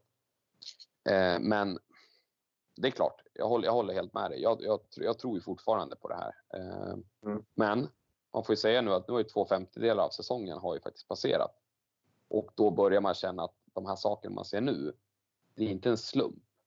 Man är inte inne i ett, ja men vi, har lite, vi, har, vi, är, vi är i en dålig liksom, period nu, senaste tre, fyra matcherna eller något sånt där. Utan det vi ser nu är ju mer talande för att jag tror om man inte gör några förändringar och nu pratar inte jag liksom om att, att det ska in mängder av spelare eller sånt, men om man inte tar några nya vinklar eller hittar nya angreppssätt eller oavsett vad det är nu man, man tänker sig. Fortsätter man att göra mer av samma, ja nej då är jag mer tveksam till hur mycket bättre än så här det kommer bli. Nej men det är nog som du säger, då landar man nog på den här femte, ja. platsen någonstans där. Det är väl, det är väl ganska ganska troligt att det blir ett sådant ja. scenario i så fall. Och egentligen om man jämför med förra säsongen så, så hade vi ju också, även om vi, ja, vi, vi låg ju där trea, fyra, femma större delen av i alla fall eh, slutdelen på, eller andra halvan av säsongen så att säga. Vi hade ju också då ja, ett lapp upp mot, mot AIK och eh, Oskarshamn. Poängmässigt sett så var väl det egentligen ganska lik, liknande som det, som det ser ut nu. Men men, men då hade man ju hela tiden den här känslan att ja, det, här är inte, det här är inte helt omöjligt. Sen var det ju AIK och Oskarshamn fick ju aldrig den här dippen. Nej, precis. Och det var väl det att ett tag, vi hade ju en, vi hade ju en, vår sista dipp, den kom ju där, jag vet inte om det var runt, när det var 12, 15 matcher kvar eller? Ja, det var väl någonstans. Om, om det var 8, 12 matcher, alltså där någonstans mellan när vi gick in på slutklämmen av, av säsongen. Sen hittar man ju tillbaks in i det vinnande spelet samtidigt så hade vi väl... Och då vi har gick vi ju... Ja. Och då gick vi som tåg, tåget. Mm. Ja, jag, jag vill min, minnas det. Jag är, inte, jag är ju inte kalenderbitare av, av rang på det viset ändå. Men eh, som du säger. Ja, vi, hade, hade en kaka i alla fall. En riktigt stark form där, där mm. på slutet. Och vi vann ju bortamatcher också. Började göra det i en utsträckning som vi liksom, ja, mm. inte hade gjort på, på ett tag innan. Eh, och hade AIK eller Oskarshamn haft en, en, en svacka på mer än ett par, tre matcher, då, hade, då började det bli så pass att det hade kunnat vara nästan en realitet att vi skulle ha kunnat tagit oss upp eh, över det övre strecket. Och ja, precis. De fick på en andra plats. minisvacka där Oskarshamn på slutet. Det Oskar... var väl egentligen inte mer än var det tre poängs marginal eller liknande i slutändan? Nej, det var ju något så det hade ju behövts ett par matcher till eller något sånt där i ja. princip. Så det är klart att när, när det började komma riktigt nära, när det var tre matcher kvar, då började man ju känna det där liksom att mm. tänk om. En annan mm. sak också om man ska ta till det här positiva och försöka se framåt i någon form av positiv anda. Det är ju kanske trots allt man måste titta lite grann på, på, på vad Leksand gjorde förra säsongen och har gjort ytterligare en gång tidigare. Det är väldigt märkligt i och för sig, men hockey är ju en märklig, märklig sport på många sätt och vis. Men de hade väl hade de nio eller tio raka förluster Ja. Spelade uruselt egentligen där någonstans. Till, ja. vad kan det ha varit? Fem, sex, sju, tio matcher kvar av grundserien. Då började mm. det kugga i och sen och sen så slog ja. de oss där i Rocklunda första omgången. De, öppnade ju, de öppnade ju ganska okej. Okay. Så de hade ju skaffat sig en del poäng när det där, när de trampade ner i, i, i, i den där eh, träsket på något vis. Och sen så var de ju som du säger kass Eh, förlorade ju på alla möjliga och omöjliga sätt. Och sen på något vis hittade de ju in i en, en vinnande trend där. Som de sen lyckades behålla hela resten av säsongen. Och det är ju givetvis osannolikt att se att det ska kunna hända. Det är egentligen det är Leksand och Rögle som kan lyckas med sånt känns det som. ja, jo. Precis. Att, och jag tror, vi är ju inte det. Vi har ju inte spelat. Vi har inte varit så dåliga som på något vis som de var. Alltså, vi har ju haft dåliga matcher. Men sen har mm. vi liksom på något vis studsat tillbaks igen och haft bättre matcher som vi dessutom har vunnit. Mm. Eh, utan att vara... Jag vill ju fortfarande kanske påstå att vi har, jag har sett tre riktigt väl genomförda matcher av VIK den här säsongen. Och det är Modo hemma. Jag, jag, jag tänkte jag gissar på att Karlskoga borta. Björklöven borta. Björklöven borta som jag dessutom ja. såg, eh, såg live där uppe också. Okay. Och Karlskoga borta vill jag också mm. påpeka. Ja. Mm. de tre matcherna är ju, så vill jag säga, de, det är de tre matcher som de har gjort från start till slut. Riktigt väl genomförda hockeymatcher. Men tre matcher som kvalar in på det utav 20 Ja, sen har de ju såklart, de slog ju, vad var det, Kristianstad hemma med 6-1. Vi har slagit hästen borta. Vi har ju tagit ett antal mer vinster, men ja, på olika nivåer så har ju de matcherna, kan jag ändå inte säga att det har varit så här riktigt, i mitt tycke, väl genomförda matcher från start till slut. Nej. Nej, visst, jag, jag håller med dig helt och hållet. Och jag menar, vi höll på att köra, köra över gnag, Gnaget på Hovet. Vi hade ju 4-0 därefter och det var väl inte så här kanske frukten bara av ett magnifikt spel, men det var ändå att har man 4-0 på Hovet efter halva andra perioden och de hade kunnat fortsatt och tuggat på där. Då hade ju det kunnat också vara en match man hade kunnat sagt ja, men det där var ändå en riktigt väl genomförd match. Nu blev det inte så i slutändan. Nej, istället vart vi räddade av ett, ett självmål och det är väl där lite ja. som vi var inne på tidigare. Vi har, det är ju en av de gångerna vi kanske i slutändan ja. tur. Det har du, eh, ja. där, har du extremt rätt i att vi fick. Eh, så den var på flaxkontot. Ja. ja. Men sen en annan grej som jag tänker på också nu om vi ska prata liksom det här med positionering i tabellen och så vidare. Många pratar ju om, om givetvis topp 8, att, att det är någonstans är ett, ett viktigt mål och, och vi får inte rasa under topp 8 och, och, det, och det, där ligger vi med god marginal och så vidare. Och sen så är det ju de här som fortfarande såklart, inklusive en själv någonstans djupt inne, fortfarande kanske någonstans ändå har en liten, liten förhoppning om topp två, även om den kanske inte känns realistisk om man ska vara helt ärlig. Men det, det jag tänker komma till det är att topp 8, vara topp 8, vara 6, 7 eller åtta när allsvenskan är, är slut. Det, det, I min värld så kommer det aldrig leda till något SHL-kval i alla fall. Utan jag säger topp 5. Mm. Då har man en möjlig chans att nå ett kval mot de som förlorar den allsvenska finalen. För att då får man starta med åtminstone en bonuspoäng och ha tre matcher av fem hemma i den här. Ja, och, och, och, och, och där, och där, där håller jag helt med dig. Eh, jag menar, samt... det, när man tittar på nu, okej, okay, nu har vi hittills har vi vunnit, vi är borta en hemma. Eh, mm. Och så vidare. Men jag, någonstans vill, måste jag ju vilja tro att vi kommer att bli bättre på hemmaplan. Och i slutändan av serien så kommer jag ha tagit fler poäng på hemmaplan än bortaplan. Vilket givetvis då är en fördel som du säger att komma trea, fyra eller femma i, i, i den där för att få den här extra eh, hemmamatchen matchen och även poängen. För att om man tittar på förra året så, ja, de som kom sexa, sjua eller åtta, det hade ju inte räckt med att gå rent i den serien för att få kvar i alla fall. Nej, precis. Att, och, och, det, och det apropå det är ju en väldigt bra sak om det nu blir verkligheten, idén till nästa säsong med ett allsvenskt slutspel. Ja, absolut. Svart, det, det är otroligt. Eh, om man kan mappa av SM-slutspelet och lägga det i princip varannan dag eh, i förhållande till SM-slutspelet. Det skulle ju vara den, den bästa av världar. Eh, men, men jag håller med dig. Alltså det, menar... Vi måste hålla i den här femteplatsen. Det är egentligen det jag försöker komma till. Vi får, ja. inte, vi får inte svaja av mer och, och sjunka någon placering till och vara nöjda med en topp 8 position. Det får vi inte. Utan jag tycker att ska vi någonstans ha en något sånär realistisk ambition om att få kvala mot SHL i vår, då måste, ja. vi, måste vi rädda en femteplats i alla fall. Ja, och, och sätter man det i något sorts sammanhang så kan man, man kan tänka så här att okej, okay, Leksand har försvunnit från serien med vad det innebär. Jag är ju inte direkt någon förtjust i Leksand på något plan. Eh, men man kan, man kan, konstatera att de drog ju rätt mycket folk när de var här. Vilket gör att det har blivit ett visst ekonomiskt avbräck. Men de hade ju också ändå ganska konsekvent så hade de en av seriens starkaste trupper, alltså kvalitetsmässigt, även om de inte alltid fick ut. Mm, de hade mm. ju ändå i regel alltså ganska högkvalitativa trupper. Det är ett lag som är borta nu. Jag menar AIK förra året hade ju också en helt annan kvalitet på sin trupp. Ja, verkligen. Eh, de är borta.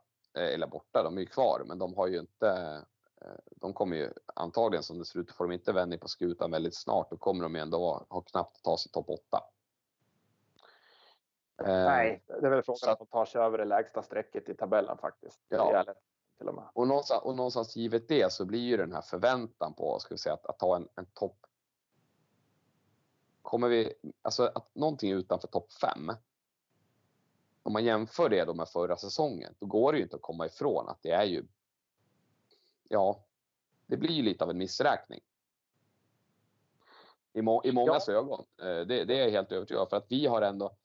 om man tittar från början, vi, hade, vi värvade en trupp som såg bättre ut, ja givetvis bättre än vad den såg ut förra säsongen när vi var nykomlingar från, eh, från division 1. Men med etablerade spelare ändå i bra åldrar som rimligen skulle kunna fortsätta vilja uppåt. Eh, vi har tappat två av de tuffaste konkurrenterna eh, i serien.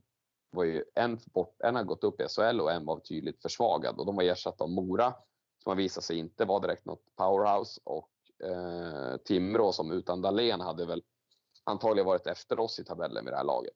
Mm. Det är nog rimligt att tro det. Ja, så sätter man det i det kontexten så är det ju inte alltså att då är topp fem blir ju ännu mer eh, på något sätt ja, rimlig. Ja, definitivt. Så, eh, men nej, som sagt, alltså, det är ju, hoppet, hoppet lever ju i högsta grad, men, men, men, men det finns um, det finns hål där det nu läcker oroväckande mycket vatten in i, i den här skutan. Det kan man väl säga. Och de, ja. de, de, behöver man ju hitta, eh, hitta vägar att täppa till på ett eller annat sätt. För att eh, gör man inte det, nej då, då, då kommer nog tongångarna inte vara så här jättepositiva sen vi kommer in på det nya året. Om man känner att man inte har fått, börjat fått en, en, en vändning och börjat trenda positivt. Liksom. Nej, om vi skulle flytta fram tiden ungefär en månad, kanske en och en halv från nu. Vad, vad, vad tror du då? då? Alltså om, om, vi ska spekulera lite grann om fram, närmaste framtiden här. Säg 10 mm. matcher framåt, 10-12 matcher framåt. Vad ja. Tror, om vi tittar i kristallkulan här. En och en halv månad framåt, då har vi ju... Runt nyår där va? Då har vi Timrå uppe i, eh, på bortaplan. 3 januari. Det skulle vara ganska trevligt att få vara där uppe och, och, och se, se en, en, vinst av ett starkt harmoniskt eh, gulsvart. Mm. Eh, och vem vet, kanske San Jose ångrar sig och kallar tillbaks Dahlén till det laget. Vilket skulle vara tråkigt för serien totalt, alla, alla hockeyälskare. Men, men sett ur ett mer snävt gulsvart perspektiv så skulle jag applådera det. Mm större än så är jag inte i min eh, roll som supporter. Eller i min ja, egenskap av supporter. Men tror du vi ligger kvar ungefär på en, på en femte position med den här poängdifferensen uppåt ungefär? Eller, eller vad tror du? Har vi närmat oss? Eller har ja. Vi ja.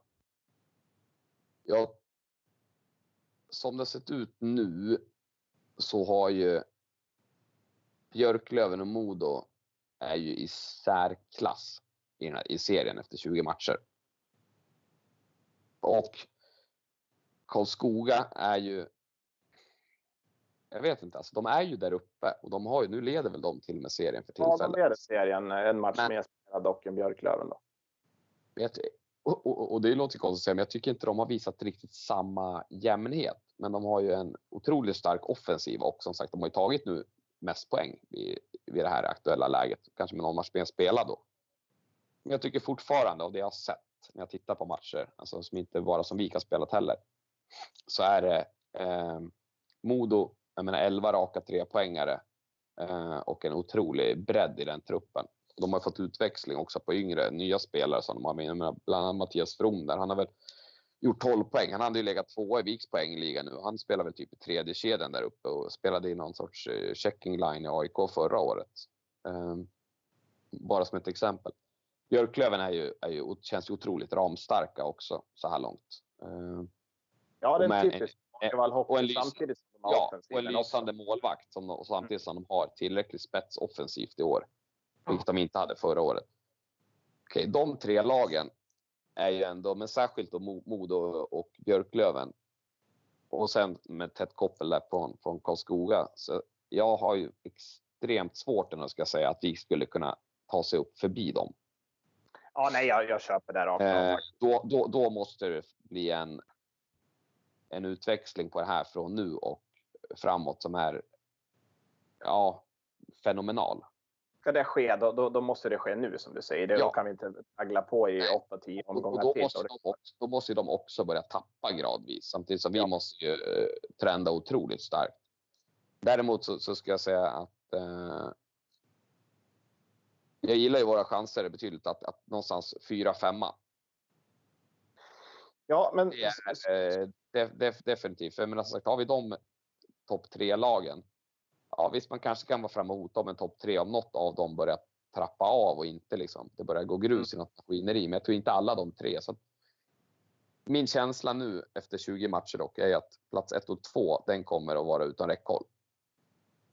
ja, Trean, ja, om vi får riktigt bra snurr- på grejerna så ja. Och, eh, men någonstans trolig att, men, men det kräver ändå att vi får en bättre ordning på det. För fortsätter det här, då ser jag att vi kommer att eh, tappa i poängsnitt framgent. ja, det är väldigt, väldigt jämnt Eh, om man tittar, och- tittar några positioner neråt i tabellen också. Vi har 33 poäng på 20 matcher, Karlskrona 31 på 19, Mm. Kristianstad 28 på 19. Så att det är otroligt jämnt Precis. egentligen. Och då riskerar vi verkligen att hamna på någon av de här osköna platserna som du pratar om, 6, 7, 8. Om det inte, de om det- om det inte börjar gå ännu sämre. Liksom. Men eh, så härifrån nu framåt så behöver man få... Om man får, får ordning på grejerna, vilket jag hoppas och tror, så är ju min gissning är ju att, att man kommer kunna någonstans fyra, fem, kanske i bästa fall att man kan vara med och hota om, om, en tredje plats när vi börjar Mm. komma in på det ny, nya året och kommit in ytterligare lite grann framåt. Ett Men, drömscenario, men ett drömscenario annars skulle vara ett riktigt race mellan kanske Karlskoga, alla de här lagen, Karlskoga, Björklöven, Modo, i bästa fall kanske också Timrå. Om vi, om vi nu säger att de här fyra lagen sticker ifrån Mm. lite grann. Mm, Ett riktigt race där, där, där ett eller ett, ja, ett par av de här lagen faller på mållinjen i sista omgången eller liknande. Och vi Mm. lugnt gå till en femte plats eller möjligen en fjärde plats. ja, Då, då, vi, då vi någonstans har startat våran ja, vinst en, en, en månad tidigare eller liknande. Absolut. Och jag menar i ett sånt scenario, om man landar där, då har ju VIK haft av de lagen vi pratar om, har jag, om det skulle då kunna tas upp på fjärde, då skulle VIK troligtvis vid den tidpunkten ha bland de starkaste formen Mm, av, av, de, de lagen. Eh, och det är ju ett trevligt läge när man ska gå in i en, eh, en slutspelsserie. Ja, Så- absolut. För det ser man ju också någonstans. Så de, det här final, final, de som torskar den här finalen.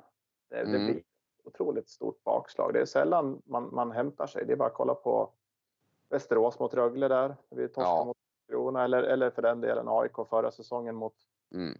Ja, det blir, ju, det, det blir ju stukat. Så är det. Eh, Och det är att, säkert eh, lite, lite liknande samma scenario där och, och kanske torskar den här andra platsen i, i 50, 52 omgången och sen ska man inleda slutspelserien två dagar senare eller vad det nu kan bli Ja. för någonting. Nej, nej, det är riktigt. Mentalt sett så är, ju det en, eh, lite av en mardröm. Eh, så eh, nej, men sagt som kontentan är hopp, mitt hopp lever, men eh, det kan inte fortsätta som det gör nu. För blir det mer av samma och då tror jag ändå att skulle man fortsätta som nu med den här svajiga så ser inte jag att liksom, poängsnittet kommer inte öka. Jag tror snarare att det skulle kunna börja gå eh, att det går fortsätter söderut. Mm. Och då som sagt, då hamnar vi på någon av de här platserna som du pratade om. Där, där vi liksom, ja. Där det är riktigt mörka utsikter när man kommer in i en slutspelsserie. Så det Ja, måste det är- bli en vändning och man måste börja få upp poängsnittet. Och eh, ja, då är nog eh, plats där 4-5. De, de säger att de eh, skulle kunna absolut vara inom räckhåll då. Du ser ingen fara med att vi skulle kunna rasa utanför topp 8 eller till och med bli indragna ännu längre ner i tabellen på sikt. Ja, alltså, det är väl det här klassiska om skiten träffar fläkten liksom, och det blir riktigt. Men, men eh, samtidigt, nej, jag, hållet jag, ser, jag, jag ser inte, det finns ju ytterligare ett, ett annat. Då är det en massa andra lag som ska börja få, få betydligt bättre ordning på sina grejer samtidigt som vi på något sätt går in i något läge av riktig härdsmälta. Är det många lag som ska öka på sina poängsnitt rejält för att det ska kunna ske? Ja. Och det... Nej, det, det, som det är nu så, så är jag inte orolig för det. Men jag, men jag kan väl liksom mer krasst konstatera att det vi har sett hittills eh, och den och hur, hur ska jag säga, formkurvan eller trenden pekar så, så tycker jag inte att det ser särskilt ljust ut. Jag vill se en, någon sorts uppryckning och en tydlig riktningsförändring. Och jag vill se ett annat, eh, en annan trygghet och harmoni där ute på banan och ett starkare grundspel helt enkelt. Mm. Och att vi kommer ur, bara att knäcka den här varianten att, ja det kanske du känner till, men att de gånger vi åkt på baklängesmål först. Ja, och jag känner till den där. Jag tycker att det är ganska fascinerande siffror faktiskt. Vi har exakt 0 procent Ja. i, i vinster då. Ja, Eh, däremot när, när vi har satt första målet i match så har vi 71 procent vinster. mm. Och nu har inte jag gått igenom det här från förra säsongen. Det skulle ju vara lite kul om man hade haft eh, tid och ork att sätta sig och gå igenom och kolla alla Swee Hockey som är eller haft en, en, stadig, en schysst databas man hade kunnat kört det där på. Men det skulle vara kul att att bencha de där siffrorna mot hur det såg ut förra säsongen. Och likaså hur, må- hur många gånger vi kom in i en tredje period och låg under och vände till exempel. Det hade ju varit fantastiskt roligt om det är någon som lyssnar på det här som har den datan eller känner sig manad att ta fram det så kunde det vara ett, eh, ett väldigt intressant eh, jämförelse. Men det här är någonting man skulle kunna prata om hur mycket som helst och fördjupa sig i hur mycket som helst och, och, i alla Ja. fall analysera och diskutera kring hur mycket som helst. För det är ju helt Mm. otroliga siffror det där egentligen. De, Ja. de, de säger ju ganska mycket oavsett eh, Oavsett, man kan inte snacka bort dem liksom. Nej, och jag, apropå statistik nu. Jag, jag, jag, jag satt innan och kikade på eh, det här med skott på mål. Mm. Och eh, det som jag, var, jag hade en tydlig känsla av att vi skjuter betydligt mindre skott i sista perioden. För jag vet att vi har haft ett antal matcher där vi har skjutit fyra skott i tredje perioden. Vi har skjutit till och med någon period där vi har sköt två skott och så vidare. Eh, Ja, det och även ja, där vi skulle ha forcerat. Mm. Mm. Men eh, resultatet var att vi har ju eh, 9,6 skott i snitt i per första period. Vi har 10 skott i snitt per andra period. Vi har 7,9 skott i snitt per tredje period. Ja, ja. Så det var inte så dramatiskt, men det, det är ändå en... eh, Ja, det är tydligt Det att det går det ner. visar åt fel håll i alla fall om man säger så. Ja. Det, Ja. det, det visar tvärsom. Det, det, det är det som är grejen. Och, och just den här statistiken som, som du pratade om nyss, alltså det, det är ju helt, helt otroligt att, att, att det kan bli så. Och, och någonstans så kan man ju ändå känna lite grann att det är just den här vinnarmentaliteten eller vinnarskallarna Mm. som saknas lite grann. Någonstans. Precis. Man inte lyckas vända. Det är skillnad om det hade varit, säg att siffrorna hade varit kanske, kanske hälften så Ja, så hade det fortfarande inte varit bra. nej. Eh, men, men man ska också ha, ha med sig det man tittar på, på den där siffran. Det finns ju ett antal ytterligare lag som också har i princip noll när de har eh, alltså hamnat under. Mm. Men det är ju inte någon direkt ursäkt för Vik, för det finns betydligt många lag som vi rimligen ska efter oss i tabellen när den här säsongen är slut. Så att, det är inte så, men, men, men jag ville bara påpeka att det är inte bara. Vik som är, har, har noll i, i den kolumnen. Men eh, vi borde inte ha noll, även om några andra lag har noll. Kan jag tycka. Nej, men, exakt. Inte med de, de ambitionerna som ändå finns. nej, den kvaliteten på spelarmaterialet, de förutsättningar som ändå finns här och så vidare. Eh, nej, Och sen det man har hört lite grann är väl att någonstans det här med målsättningar, alltså det, är ju jätte, jättesvårt att, att, att ha en att ha en målsättning och gå ut till exempel och säga att i år ska vi gå upp till SHL. Det är ju självmål att säga så givetvis. Eller vi ska vara Ja, det, man pratar ju ofta om topp 8 och det är lite så snacket har varit utåt sett också. Men, men det man Mm. har hört grann är väl att internt så är väl målsättningen betydligt högre än så. ja, Så det är klart att det måste finnas en viss, om det finns en viss frustration i supporterleden så finns det ju garanterat en viss frustration inom truppen också och säkert sportchef Zetterberg och tränare Thomas Pannanen också givetvis. Ja, det är jag helt övertygad om. Alla de har ju väldigt höga ambitioner. Sen tycker jag att det är helt rätt att man säger att man inte går ut på det viset med en sån spetsig eh, målsättning utåt för att det är liksom mer upplagt för att det ska bli eh, ska säga, bakslag på det. Däremot så är jag också helt säker som du säger på att de har en ganska hög målsättning internt. Eh, oavsett vad Pannanen har sagt i presskonferenser och sånt här på senaste tiden. Jag, ja, man blir lite förvånad ibland kring vissa av hans uttalanden. Eh, så tror jag att det finns, och det är kanske det som är ett resultat av att det är eh, eh, att det blir vissa uttalanden som man kan tycka är lite märkliga. Liksom. Eh, att det är ett, ett uttryck för hans frustration ibland. Ja, precis. Så kan det bli också lite Mm. grann kanske att man Så att han, han har ju. Press i, internt också, både på sig själv, men han känner ju också av de gemensamma förväntningar som finns liksom, inom i, både i truppen och vad som finns ambitionen i klubben med ledningen och så vidare. Och ett visst tryck från supportrarna givetvis också. Definitivt.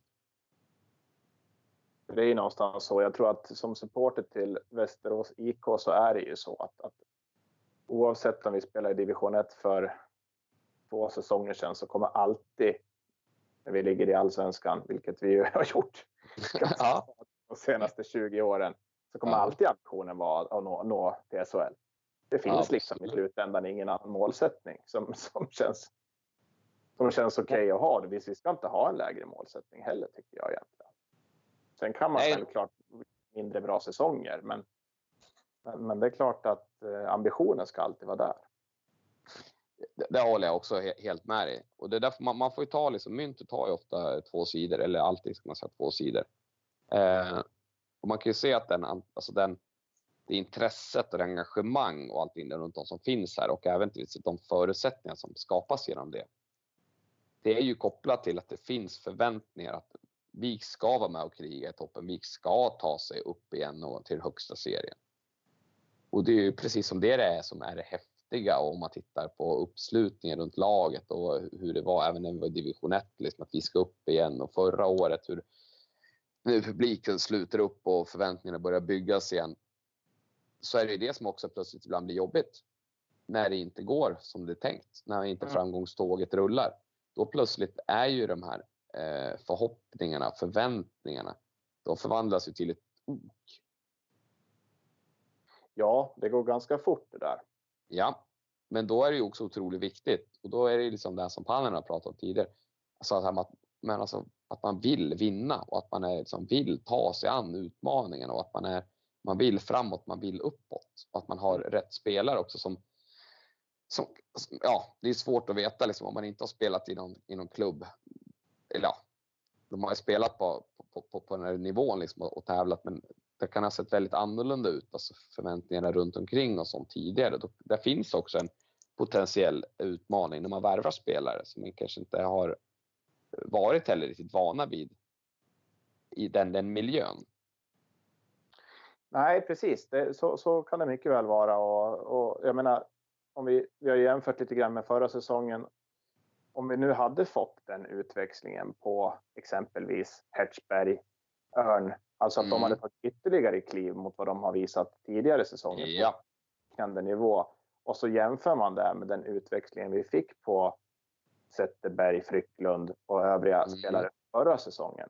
mm. Grann som vi var inne på tidigare. Det är, det är den utväxlingen som egentligen saknas. Det kan man ju också absolut. Eh, både prestation och tabellplacering egentligen. Ja, det är ju ingen av nyförvärven, om vi ska säga förutom Leduc, som har haft en tydligt positiv utväxling jämfört med sin föregående säsong. Nej, det tycker jag också. Så, så, så skulle man kunna sammanfatta det. Och det är man- egentligen och det gäller ju Akta, det gäller, det gäller heller som har tagit det. Givet. Nej. Förutom Wikman då, möjligen. Precis, det var bra att du nämnde Wikman för att eh, honom har jag med i, hade jag med på plussidan. Jag hade Mm. listat lite yt- ytterligare plus och minus. Och det, så- och det är ju den som är liksom själva, själva nyckeln, här, att få den här utväxlingen, att få spelare att växa.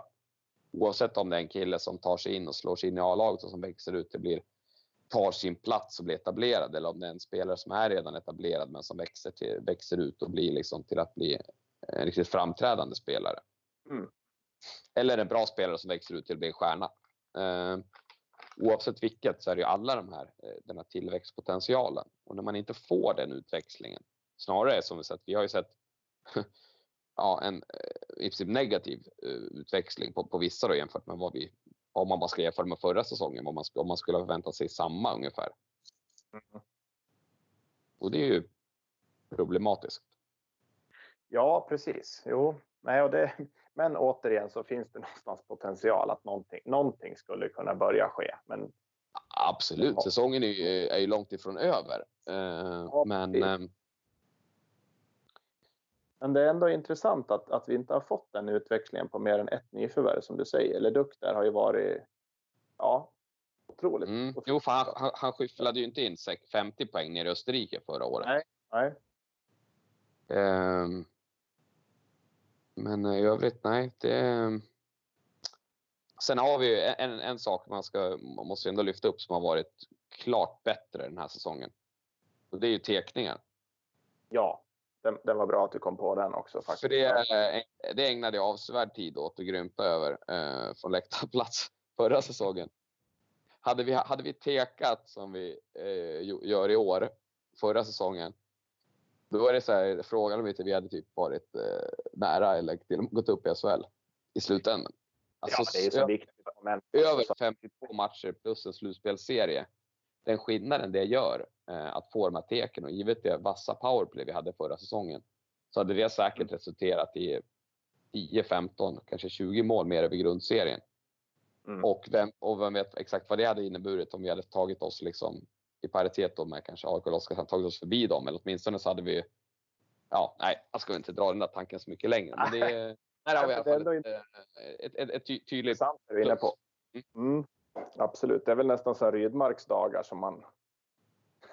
det är väl sällan man har sett bättre, bättre tekande än den här säsongen på väldigt många år i alla fall. Det, Nej, det var väl, eh, jag tänker när Klasse Lindblom tog, hade Ja. ett tek mot Foppa. Men jag vet inte om det var representativt för direkt hela laget. Utan det här måste man ju säga är ju alla spelare som tekar. Alltså vår totala statistik. Ja.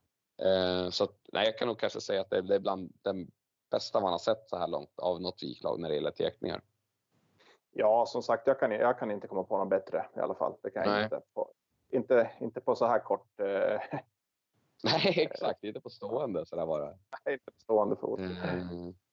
Nej, Så det får man ju ta med sig. det får man ta med sig, absolut. Ja, nej men. ehm, Ja, det är en intressant fortsättning i alla fall. Om vi ska Det- ta lite grann om de här topplagen ändå. Då. Alltså det, det är ändå imponerande som de, som de matar på Björklöven och Modo. Jag, jag tyckte man såg faktiskt i Rocklunda, även om Vik gjorde som du säger en riktigt bra match mot Modo och Modo Mm. hade ju den här svackan då. De var ju inne i Mm. den här eh, förlorartrenden som de hade i början på säsongen. Men jag tycker ändå att man såg då att de var ganska tunga ändå. Man hade lite på känn att de här att, att i år kommer någonting hända med dem.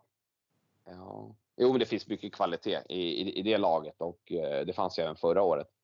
I början på säsongen så var de väl lite så varannan matchlag. De, han, vann väl sina matcher hemma och torska borta om jag inte missminner mig eller, eller hur det nu var. Och det där pågick ju i, ja, jag vet inte om det var omgång åtta eller när det var. Eh, något sånt där som, som vi slog dem. Ungefär omgång åtta Ja. kan vi säga. Och efter, efter det har de ju haft, nu var det elva raka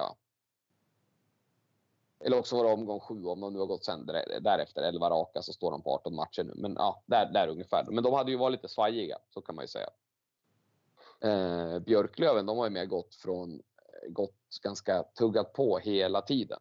Eh, ibland med lite större segrar, men ibland så har de vunnit med typ ett eller ett par mål. När det, ja, då har de ju, ja, de har alltid så till och fått ihop det som krävs i alla fall. Ja, ja. Och de har väl, eh, om jag inte missminner mig, så de har väl släppt in minst mål i serien, eh, tänker jag mig också. Och Kanata har ju varit eh, kung där bak. Mm. Eh, så de är ju väldigt starka. Karlskoga, de är ju mer... Eh, de har väl gjort mest mål i serien. Ja, Karlskoga har gjort 81 mål alltså. Det är helt otroligt. De har gjort eh, ja, 81 De- mål. Är De har ju en, de har ju en bredd 24 mål mer än Västerås. på sitt offensiva... Ja, de har ju bredd på sitt offensiva register om man tittar på Mm. spelarna. Alltså, teoretiskt sett, de skulle ju kunna ha ett halvdussin eller mer, så här 15 målskyttar. Och säkert några av dem kanske kommer upp i 20-25 kassar, kanske någon till och med upp på 30 innan säsongen, när säsongen är slut. De har 28 plusmål mot Västerås hittills. Mm. Det är ganska stor differens på 20 matcher. Absolut. Ja, det är, det är jätteskillnad. Och sen så är det väl liksom, man tänkte så här, men deras försvarsspel, det kanske är lite som so-so, men Mm. de har, de har ju sån kraft i offensiven. Samtidigt som försvarsspelet har ju levererat helt okej. Givet att de har inte så starka namn på, på backsidan, Karlskoga. Eh, och sen har de ju ändå han, eh, Juel där som har kommit in, han har gjort det bra. Han stod ju och släppte bara en kasse när vi mötte dem i, i Rocklunda senast till exempel. Lundberg är väl lite mer, har väl varit lite kanske mer upp och ner. Mm. Om man säger så. Eh, Sen är det det med, de känns med, starka e- e- e- helt Ja. enkelt. Och, och de har en bredd. med Karlskoga också, just den här Bofors-mentaliteten, att den alltid finns där år efter år. Det, det måste man ju ändå lyfta på hatten Ja. och säga att det är otroligt imponerande. Att de förlorar ju inte många matcher på en säsong på grund av att de är proppmätta eller lata eller bekväma. Nej, så, så är det ju. Och eh, även om de har taggat ner rätt mycket på det här, det som var den gamla Bofors-stilen. Det är ju otroligt mycket mindre brunkande nu och det är betydligt mindre dump and chase och det är otroligt mycket mindre eh, stök. Mm. Så- Men inställningen där. Kvar den här positiva, den här inställningen och den här, alltså att den här lag, alltså styrkan i, i gruppen som de lyckas Mm. ofta. Det är bara, det finns ju bara ett undantag ett år där de var nära fick kvala neråt nästan. Men bortsett från den så har de ju alltid varit med där uppe, även när de har inte så namnkunniga trupper och de har väl inte. De ligger ju knappast i topp i lönebudget. De är ju inte i botten heller, men de är ju knappast i topp. Nej. Nej, jag Eh. måste säga att det är lite hatten av där att de... Att Det är berömvärt. Ja. Absolut, det, det, det håller jag med om. Så att, eh, men sen, det, är ju de, det där är ju topplagen och sen så jag vill hävda att Timrå, Timrå utan Dahlén hade ju eh, varit relativt mediokra. Inte lika dåliga som de var när de åkte ur SHL förra gången. Då var ju de, de var ju nära på att få kvala neråt samma säsong då, första säsongen i Allsvenskan. Det hade ju inte det här laget fått göra, för det finns andra som tror jag är sämre. Men eh, de, de hade haft fullt Eh, utan Dahlén. hade var nog topp. tju- 25 poäng att lägga på en åttonde plats. Då. Ja, Ungefär. Ungefär. Bra, bra känsla. Ja, nej, men jag, jag är ganska övertygad. Jag tycker att eh, han har hjälpt till att lyfta många spelare där så att de, de har levererat långt över sin kanske långsiktiga eller långsiktigt hållbara förmåga. Mm. Sen är ju Timrå det är ändå det är ett bra, det är ett anrikt gäng liksom. Så där. De har ju bra publik till och från och liksom sådär schysst arena och sånt. Så att det är ju det är ett bra lag i, i allsvenskan. Men jag, jag tror att de hade haft ett ganska tufft första år om man ser ut om inte Dahlén hade återanslutit. Ja, definitivt. Och det är bara att titta på Mora. Det, det är ju, om vi ska ta lite grann om, i, om den andra tabelländan då, så det är nästan kanske lite överraskande ändå att de, att de har gått så dåligt som de har gjort Mora. Snittat en poäng i princip och ligger på en, på en tolfte plats precis ovanför Ja. Södertälje på negativt kval där. Men det är ganska, om man ska jämföra då, så är det förra gången som Timrå åkte ur SHL. Mm. Så om jag inte minns helt fel så hade de en utveckling som var ganska snarlik den Mora är i nu. Ja, det, var, det, var, det var först andra året i allsvenskan där de började få lite vändning. De fick, fick ju in, de hade ju någon eh, Elias Pettersson, här för man heter, mm, till exempel. och Dahlén. ja, Och de började få lite snurr på grejerna eh, Ja. då. Och sen fick de en jäkla utväxling om det nu var tredje året. Jag, jag kanske är ute och cyklar nu lite grann. Men jag Ja, men första konstant. året, po- poängen var att då var de det var riktigt nära att de var, gjorde, höll på att göra en sån där de åkte igenom allsvenskan. Ja, det var inte så långt borta för Modo heller. Nej, nej, det är sant. Och, och där känns det som att Mora är lite grann nu. De är på, de är på vippen till att, eh, att, det ska kunna, kunna bli något sånt. Ja, och det verkar ju svaja lite grann på ledarsidan där också. Så de Ja. sparkar ju Daniel Grillfors här för någon, Ja. någon vecka sedan. Va? Mm. Och nu hade de ju väl varit ansvarig för powerplay va? och liknande. mm. Ja, det kan nog, eh, ja, det har du säkert eh, bättre Mm. koll på än vad jag har. Men jag såg i alla fall här att, eh, att, att det har ju definitivt inte blivit bättre och de spekulerar väl lite kring huvudtränaren där också. Mm. Och de har ju värvat nu senaste veckan har de värvat in två transatlanter. Eh, och, och där är ju så här grej att får de, om de kommer in, trycker några kassar i första matcherna, kan ge en liten boost till övriga laget. Ja, då kanske de kan få det att, rulla igång. Sen kommer inte de bli något topplag, men däremot om de kommer in och inte får något direkt eh, lyft och de förlorade väl eh, senaste omgången. Eh, ja, visst gjorde de väl det va? Eh, Jag tror det. det här. Ja, de förlorade 5-2 hemma Ja. mot Vita Häst. Ja, och det var inte liksom deras första tunga förlust på hemmaplan. Det var väl eh, bara en vecka sedan Löven hyvlade av dem ganska rejält där Mm. uppe också. Eh, och Karlskoga har de också. Ja. Så fortsätter det lite tag till, då kommer då börjar det bli riktig panik. Ja, de står väl vid vägskälet nu, precis som du är inne på. Man Ja. har fått in några atlanter och, och någonstans lyfter det nu så, så, så kan de säkert lyfta upp på säker mark. Men fortsätter Mm. det och, och krångla nu, då är väl mycket som talar för att de kommer bli fast där nere faktiskt. Ja, och då byter de plats med SSK inom, inom inte allt för länge, tänker jag. Ja, det är ju lite intressant om vi ska ta några ord om SSK och AIK också. Att Ja. SSK har så otroligt svårt att få till det i Hockeyallsvenskan. Det, det är inte i och för sig jätteöverraskande om man tänker på att de har rullat på med sitt, sitt ledarskap som uppenbarligen inte har fungerat där. Nej. Eh, Innan det hade de Valtin som vi har haft här också.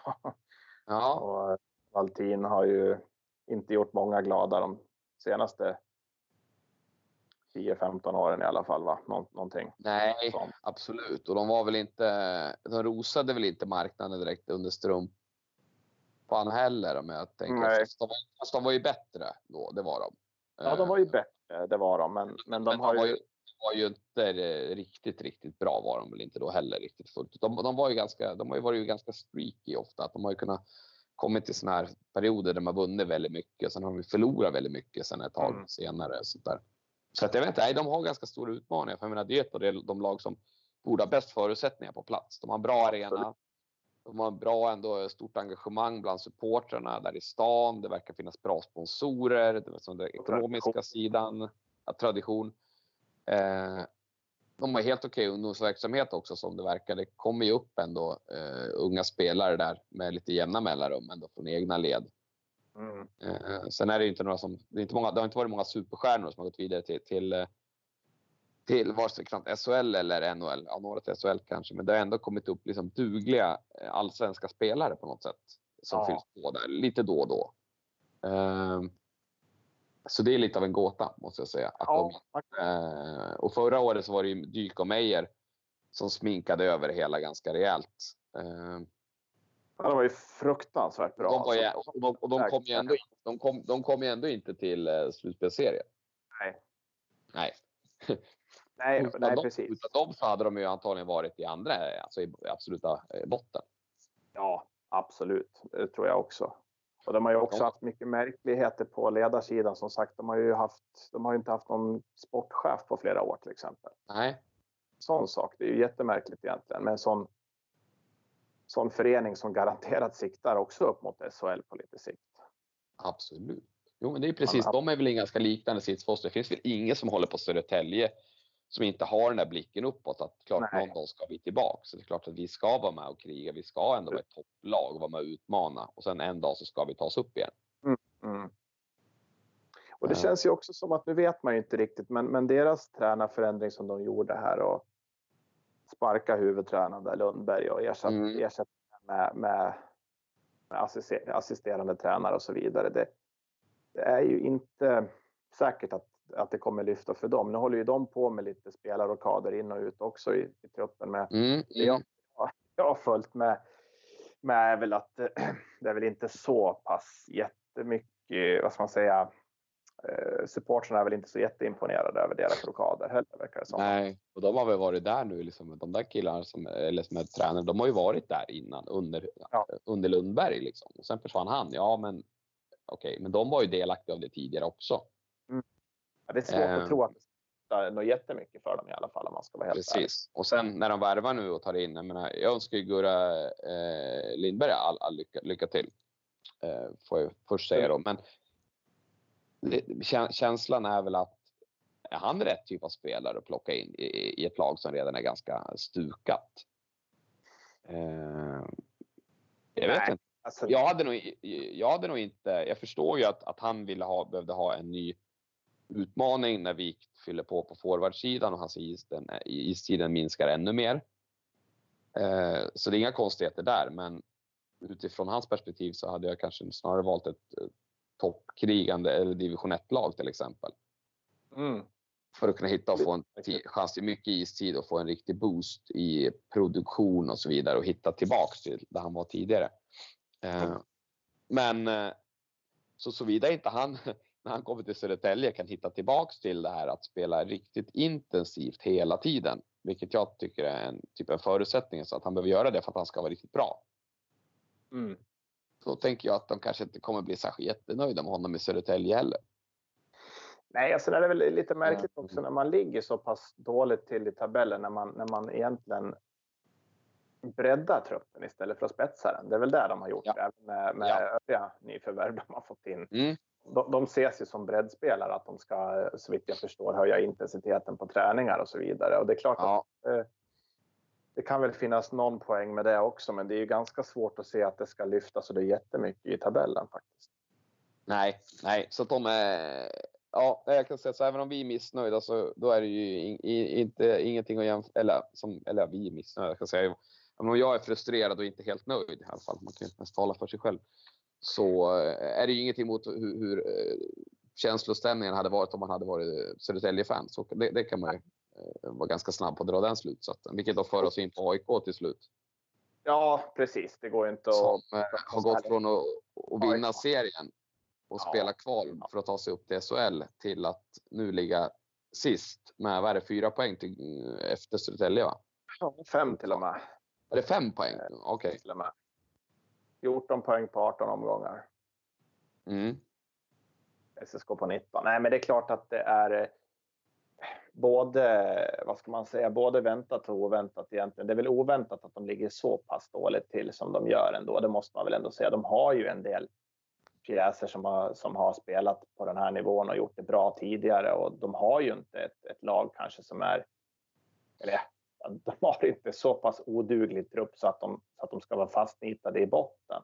Samtidigt så, så kan man väl säga att det är otroligt svårt och när det blir som det blev förra säsongen. Alla blickar är riktade mot SHL och man, man, man torskar där Mm. i valet innan och blir av med i princip varenda spelare. Och det är klart att luften går ju, går ju ur. Det var ju precis det som hände oss när vi torskade mot, mot eh, Karlskrona och Rögle egentligen.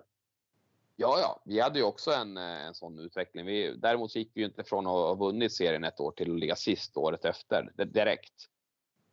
Nej, Men- precis. så- det var ju men- men- ekonomiska men- problem emellan där som, som, Ja. som ledde till... Och vi kom väl, vi hade väl en säsong där vi först och hamnade utanför slutspel och kom nia va? året efter. Stämmer. Eller något då-. Sen, och då var, där, då var ju den, eh, allt skit bakom kulisserna var ju Mm. igång då så att säga. Mm. Men eh, nej, känslan är, är väl med, med AIK att givet de spelare de har och den truppen de har så jag hade ju aldrig haft dem eh, högt i serien nu. Men jag hade ju ändå inte haft dem utanför topp 8. Nej, precis. Man hade inte räknat bort Och dem. eh, liksom säga att de hade varit där på där, 26, 27, 28 pinnar vid det här laget. Det hade jag tyckt varit fu- fullt rimligt. Kanske någon pinne till om de hade fått lite snurr på grejerna. Men jag menar, de har ju forwards. De har ju, jag menar Forsberger, han eh, tänkte att han, han kan kanske, om han nu trivs där i, i Stockholm, han lär kunna vara god för en 20 mål åtminstone. Jag menar som Ma- Marklund, eh, Tallberg som de värvade. Han har i och för sig bara spelat två Mm. matcher. Han har varit, varit, skadad. Sen har de en del yngre killar. Eh, sen, det var ju synd han, eh, han, Lukas McLean. Som var något, han tror han drog något kor- korsband. Mm. totalkvaddade något knä där på försäsongen redan och så vidare. Eh, och han hade väl varit aktuell för JVM annars nästan misstänker jag. Eh, och med menar på backsidan så har du Johan Larsson. Eh, han var en av seriens bästa back kanske nästan Ja. förra året. Ja, han har en av få som är kvar där. Ja, och sen har de ju tagit in Robin Jakobsson som Mm. sagt. Eh, sen har de ju några andra som man ändå ska klassa är ganska stabila allsvenska backar. Eh, målvaktssidan där med Johannes Jönsson som jag tycker ofta kanske varit lite överskattad och haft en förmåga att missa lite väl mycket matcher. Men det är inte tu tal om att det är en bra målvakt ändå. Även, Nej, även om jag aldrig, aldrig har varit den som har rankat honom som de absolut bäst i. Nej, jag håller med. Samtidigt så var som har gjort. eh, han var väl en, en stor värvning inför förr, förra säsongen? Ja. om man säger det så. Precis. Så att, nej, men- det, det är klart att det, det summerar man, ja, summerar man det så tycker jag ju ändå att de skulle kunna ha. Jag hade förväntat mig att de skulle vara fortfarande topp 8 under hela året. Ja, Eh, och jag är bara kraftigt förvånad att eh, Salo fortfarande, eh, Jussi där, eh, är kvar så här långt in på efter 20 matcher. Ja, sen så får man väl också, om man vore AIK-supporter skulle man nog vara ganska orolig för det här med den ekonomiska biten också. Det, det är klart att de har en otroligt stor eh, ska man säga, de, de har ju otroligt stor kraft bakom det när de kraftsamlar om det skulle Mm. vara på fallrepet. Det är såklart att, att Det brukar ju lösa sig. lösa sig, men, men någonstans u- urusla publiksiffror, sist i tabellen. Man har liksom kanske ja, den här ballongen som, som pyser ut liksom när, man, när, man, när man går all in som man gjorde förra säsongen och, och bommar. Det är klart att Ja. det är, eh, är tufft att få en vändning på det. Men eh, självklart behövs AIK i Ja, åtminstone på, på eh, så att, eh, Ver, verkligen, det, det håller jag med Men det är därför jag, så- jag är, som sagt, jag är så för, förvånad över att, att man har inte gjort någonting. Nu flyttade ju Gossi ut ur Mm. båset, vilket var väl hög tid med tanke på att han har varit där sedan säsongen började för att de hade honom som andra tränare och sportchef det kombinerat. blir en märklig, märklig konstellation. Alltså. eh, Jussi Salo har haft sin chef i, bredvid sig i båset hela säsongen. Det är ju ett knepigt upplägg. Eh, till slut så ändrar man på det nu, men jag tror inte att det kommer att vara tillräckligt. Så att, eh, ehm, ja, mitt mitt eh, stalltips är fortfarande att eh, AIK kickar eh, sin tränare innan eh, november är slut. Mm. Och kanske då ersätts, ersätter man han med någon av de här lite, vad ska man säga? Det kanske blir någon typ Perra Jonsson, lite mysgubbe som ska få igång.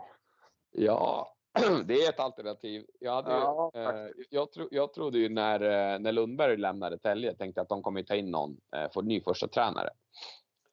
Och då, och då var ju mitt, eh, mitt, mitt, mitt stalltips var att Strumpan skulle göra comeback. Ja, Leif Strömberg. sparken där i Rumänien va? Ja, eller om han bröt och åkte hem. Jag vet inte. Jag Ja, tänkte också att det kan, kan ju bero på att han lackade ur på att det var kaosnivå där nere. Det borde han kanske kunna räknat ut innan kan man ju tycka. Ja. Men jag hade ändå trott att han kommer då tillbaka till Tälje. Det är som så här typ tredje, fjärde gången han dyker upp Ja, där det igen. inte varit helt osannolikt faktiskt. Inkallad. Men, eh, Men så vem vet, nu gjorde de inte det och jag tror inte att han kommer att dyka upp nu eftersom han inte kom innan. Men eh, om, om det inte blir Perra så kanske det blir eh, Leffe Strömberg i, i Gnaget. Vem vet? Ja, det kanske inte är jättehöga odds på det i alla fall faktiskt. Det, det, det känns ju som, ska, ska de väl göra någon, någon rockad nu så, så tror jag nog att de tar någonting som är väldigt etablerat i alla fall. Ja. Känt, så att säga. Det är klart att det var en budgetlösning att skicka upp juniortränaren även om, även om han säkert har, har, har gjort det bra tidigare i, i karriären. Dock i noll Alltså, koll på vem det alltså, var. han hade ju, hade ju relativt skralt CV ändå, alltså, Jussi Salo. Han han hade, Från något AIK var ju Lindlöven va? Lindöven kanske det var ja. Mm. Ja, jag tror det var dem. Ehm, och därifrån till AIKs J20 och sen, ja, och det var inte så att de vann eh, juniorguld heller, typ, när han Nej. tränade dem. Så ja, det var en budgetlösning, det var det. Alla dagar i veckan. Mm. Ehm, så det återstår väl att se. också, ha, ha sin, ha sin eh, chef eh, under sig i, i båset. Det är ju väldigt, väldigt märkligt. Ja. Visserligen var det ju lite så Vik hade i Hockeyettan. Ja, och då, den gången gick det bra. säga. Mm. Men jag tror inte att det är ett... Eh, det är inte något framgångskoncept tror jag som man liksom Nej. vill paketera och rulla ut på allt för många ställen. Nej, håller med fullständigt Men faktiskt. i, i, i vårt fall så, så, så, gick det ju, så gick det ju väldigt bra. Så att vi, men, men jag tror fortfarande att det var nog, kan ha varit lite av undantag som bekräftar regeln. Ja, och i vårat fall så tror jag också att det var nästan ett, eh, vad ska man säga, ekonomiskt sett så var det nästan ett måste kanske ha det på det sättet. Ja, AIKs ekonomi har man ju ingen exakt insyn i för tillfället, men, men där känns det väl kanske som att man skulle ha skippat någon av de här så kallade spetsspelarna hellre och satsat på en meriterad tränare. Det utrymmet hade man säkert haft i alla fall. det tror jag också hade varit ett eh, klokare sätt att, att, att disponera. Jag menar, de har ju tagit in dessutom Henryon. Uh, Han Mm. tryckte ju två kassar mot gulsvart. Det var väl hans första mål eh, sen han kom tillbaka till AIK tror jag.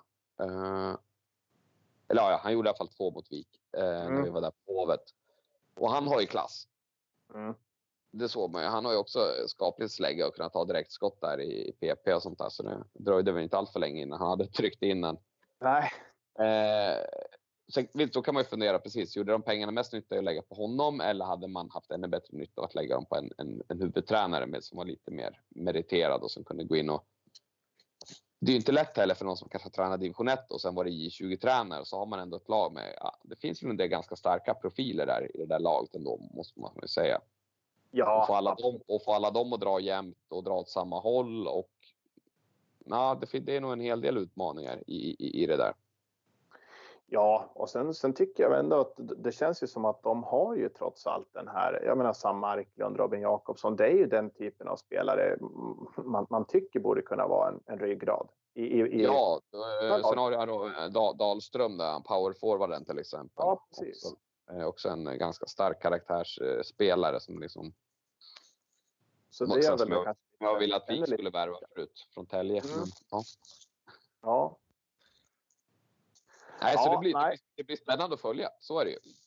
Det blir jättespännande att följa allting här och som sagt hockeyn är oberäknelig. Det, det, det är väl en sak som man kan eh, skriva under på efter att ha följt med i, i den här sporten i 20-25 år nu. Drygt. Ja, absolut. Så, mer, mer än så. Man, man, man tror att man är yngre än vad man är ibland. Ja, jo, jag insåg det att, eh, när jag började räkna på det. All, allting är ju om hur man, eh, vilken, hur, hur, man lägger upp sin story. Men jag insåg att jag har gått in på mitt, mitt fjärde decennium som VIK-supporter. Ja. Och det blir ju effekten av jag också, att, att, är, på, att, mm. på att man dök upp när man var sju. Ja. Och man har fyllt 40. Då ja. blir det den mm. effekten med att man på, på sitt fjärde årtionde eh, som eh, gulsvartssupporter. Det är eh, Ja. Nej, som sagt det där med 2025 det kan man inte säga längre, då ljuger man. Nej, exakt. Jag, jag, jag, jag tror det. Så att, eh, men eh, om inte annat, man kan ju konstatera så här att man har inte varit översköljd av framgångar. Det har funnits några. det, har, det har inte varit många guldregn. Nej, nej. Nej, jag, jag, tänk, jag, jag, tänker så att det, här, man kan nästan se lite grann. Det, det har funnits några ögonblick i, i den här 25-30-åriga historien man har följt VIK som har varit lite så här före och efter, känner jag. Mm. Klara, tydliga före och efter linjer eller vad man nu ska säga. Självklart när vi gick upp till SHL 87-88 var där mm. under en väldigt lång tid. Sen har vi ju den här degraderingen och konkursen år 2000 som en stor skiljelinje också givetvis mot ja, dåtid och framtid. Och sen har vi ju eh, den här, eh, de här matcherna som, som jag tror har etsat sig fast på näthinnan på de flesta VIK-supportrar. De här matcherna mot, framförallt mot Karlskrona, men hela det kvalet mot mm. Karlskrona. Ja. Som någonstans, någonstans sitter den här bitterheten kvar lite grann fortsatt. Ja. Men så har vi den sista skiljelinjen då när vi åkte ur Hockeyallsvenskan, men när vi gick upp. För någonstans där så fick man ju luft igen som supporter och som klubben började liksom någonstans, vad ska man säga, framtidstron ökade och så vidare. Så, så där är vi ju nu känner jag. Mm. Är, du med på min resa bakåt? Ja, ja, ja, verkligen. Och jag har ju varit med, jag kan ju addera till där precis, eller apropå, vi hade ju en, han är med en serieseger där också i början på 90-talet. Och sen efter ja. den då, då, då, började det väl, det blev ju inte mer än så, det blev ju inget guld eller något sånt. Men, och sen började det gå ut för lite grann. Ehm, mm. Mm. Men, men, man kan väl som, ta, med, ta med sig av en sån här skapligt lång eh, resa som supporter. Att man har ju, man har ju både hunnit gett upp och kommit igen ett antal gånger. Jo, det är ju så. Och, man... och det tror jag att man kommer att fortsätta göra. Eh, ja, men så, eller, eller, eller, att man har brutit ihop och kommit igen. Ja, så skulle man väl kunna säga. Att, man, man, blir besviken och man åker hem och man, man lägger sig och sen vaknar man nästa dag och ser fram emot nästa match på något konstigt sätt i alla fall. Det, det är grann så så det funkar. Och det är väl eh, det är klart man är lite glad efter alla dessa säsonger. Som du säger med eh, ja, minimalt. ja, men, ja, men så, så är det. Men, man har, men någonstans, även om man ibland känner sig att man är så ganska, man kan bli ganska frustrerad och man kan så här, stundtals vara så här, nästan fan, nu är jag lite bitter kan man inte komma att tänka. Eller att någon säger det åt eh, Men någonstans, då man måste ta med sig att man har ju det, hade man inte haft det där grundläggande det där hoppet eller förhoppningarna och tron på, på VIK och att det ändå ska, då hade ju den här resan tagit slut långt tidigare. Jo, visst är det så. Det är väl att eh, sport i allmänhet, att, att, att allt är ju möjligt liksom någonstans. Exakt, så att man fortfarande är med i det här gamet, det kan ju, måste, ska man kunna tolka som att det finns en extrem hoppfullhet. Så är det verkligen. Ja. Vi har ju haft fantastiskt roligt på vägen. Jag tänker till exempel Ja. på, på när vi gick till kvalserien första gången efter, eh, efter degraderingen till division. Och när vi kom Ja. tillbaka med Tornberg och, Ja, och Bulan och, och, och, och Micke Backlund och dem och sen Per Ahlbrandt och, och så vidare. Då var vi ju bra. Då var vi fantastiskt bra Mm. några säsonger. Så hade vi några mellanår och sen så kom den här matchserien mot Karlskrona när vi bara nu ska det ske liksom. Ja, Så att eh, visst, vi har haft en viss framgång. eh, Men, men sen har vi of- oftast, oftast tyvärr studsat tillbaka när det ska dras ut i sin spets och avgöras. Liksom. Och det är väl där Ja. vi någonstans väntar på fortfarande. jo men precis. Till vi har, haft, vi har haft framgångar, vi har haft bra insatser, vi har haft bra lag, bra spelare. Men vi har inte haft de här avgörande framgångarna. Förutom då såklart när vi lyckades ta oss upp igen från eh, division 1. Ja, och det behövde vi verkligen. Ja. Det var en, det var en fantastisk eh, erfarenhet.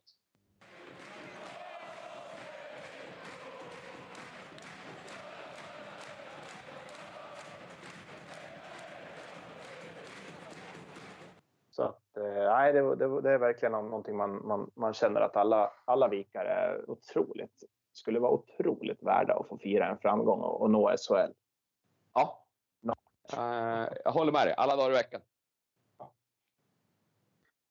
Och jag menar någonstans supportrarna som du säger, det är fantastiskt bra tryck på, på hemmamatcherna oftast och det har varit de senaste åren har riktigt bra faktiskt. Så att, eh, hoppas att vi kan fortsätta hålla, hålla det uppe också. Ja, jo, men så är det ju verkligen. Och, men då är det ju också de här vi, vi, viktiga. För att det, ju, det finns ju x antal som är liksom, som går i ur och skur. Men det finns ju också en del som är ja, mer eller mindre marginalbesökare. Även sådana som ibland tycker att det är kul att vara och bidra till stämningen men ändå är marginalbesökare. Då ser man ju tyvärr ganska fort också hur det utvecklar sig i publiksiffrorna när det börjar eh, när det går tungt, när de inte, särskilt på hemmaplan, inte kommer ut. Jag menar, man kan förlora matcher hit och dit, det händer ibland. Men när spelet genomgående inte klaffar, när de inte kommer upp i den nivån som folk förväntar sig, oavsett om det må vara inte- intensitet, kamp, eh, offervilja, skicklighet i allt för många matcher på hemmaplan. Då drabbar det ganska snabbt publiksiffrorna, vilket man kan, ja, det är bara att titta på, titta på dem hur det har sett ut här nu, nu, nu på slutet. Och det är ju det är tråkigt. Ja, och det är svårt att lura någon som har varit, som du säger, som har varit på de flesta matcher i 30 års tid. Liksom. Ja. Så Det där, eh, där är det viktigt Där, spelar det ingen roll vad, vad, vad, vad tränarna säger i media efter en match. Nej, nej. Eh, utan där är det extremt viktigt ska jag säga att de också börjar hitta den här, någon sorts harmoni och trygghet i sitt spel och att man kan komma ut och på ett tydligare sätt visa att fan, okej, det, här är våran, det här är våran hemmaborg. Det ska otroligt mycket till för att det är en motståndare som slår oss här. Mm.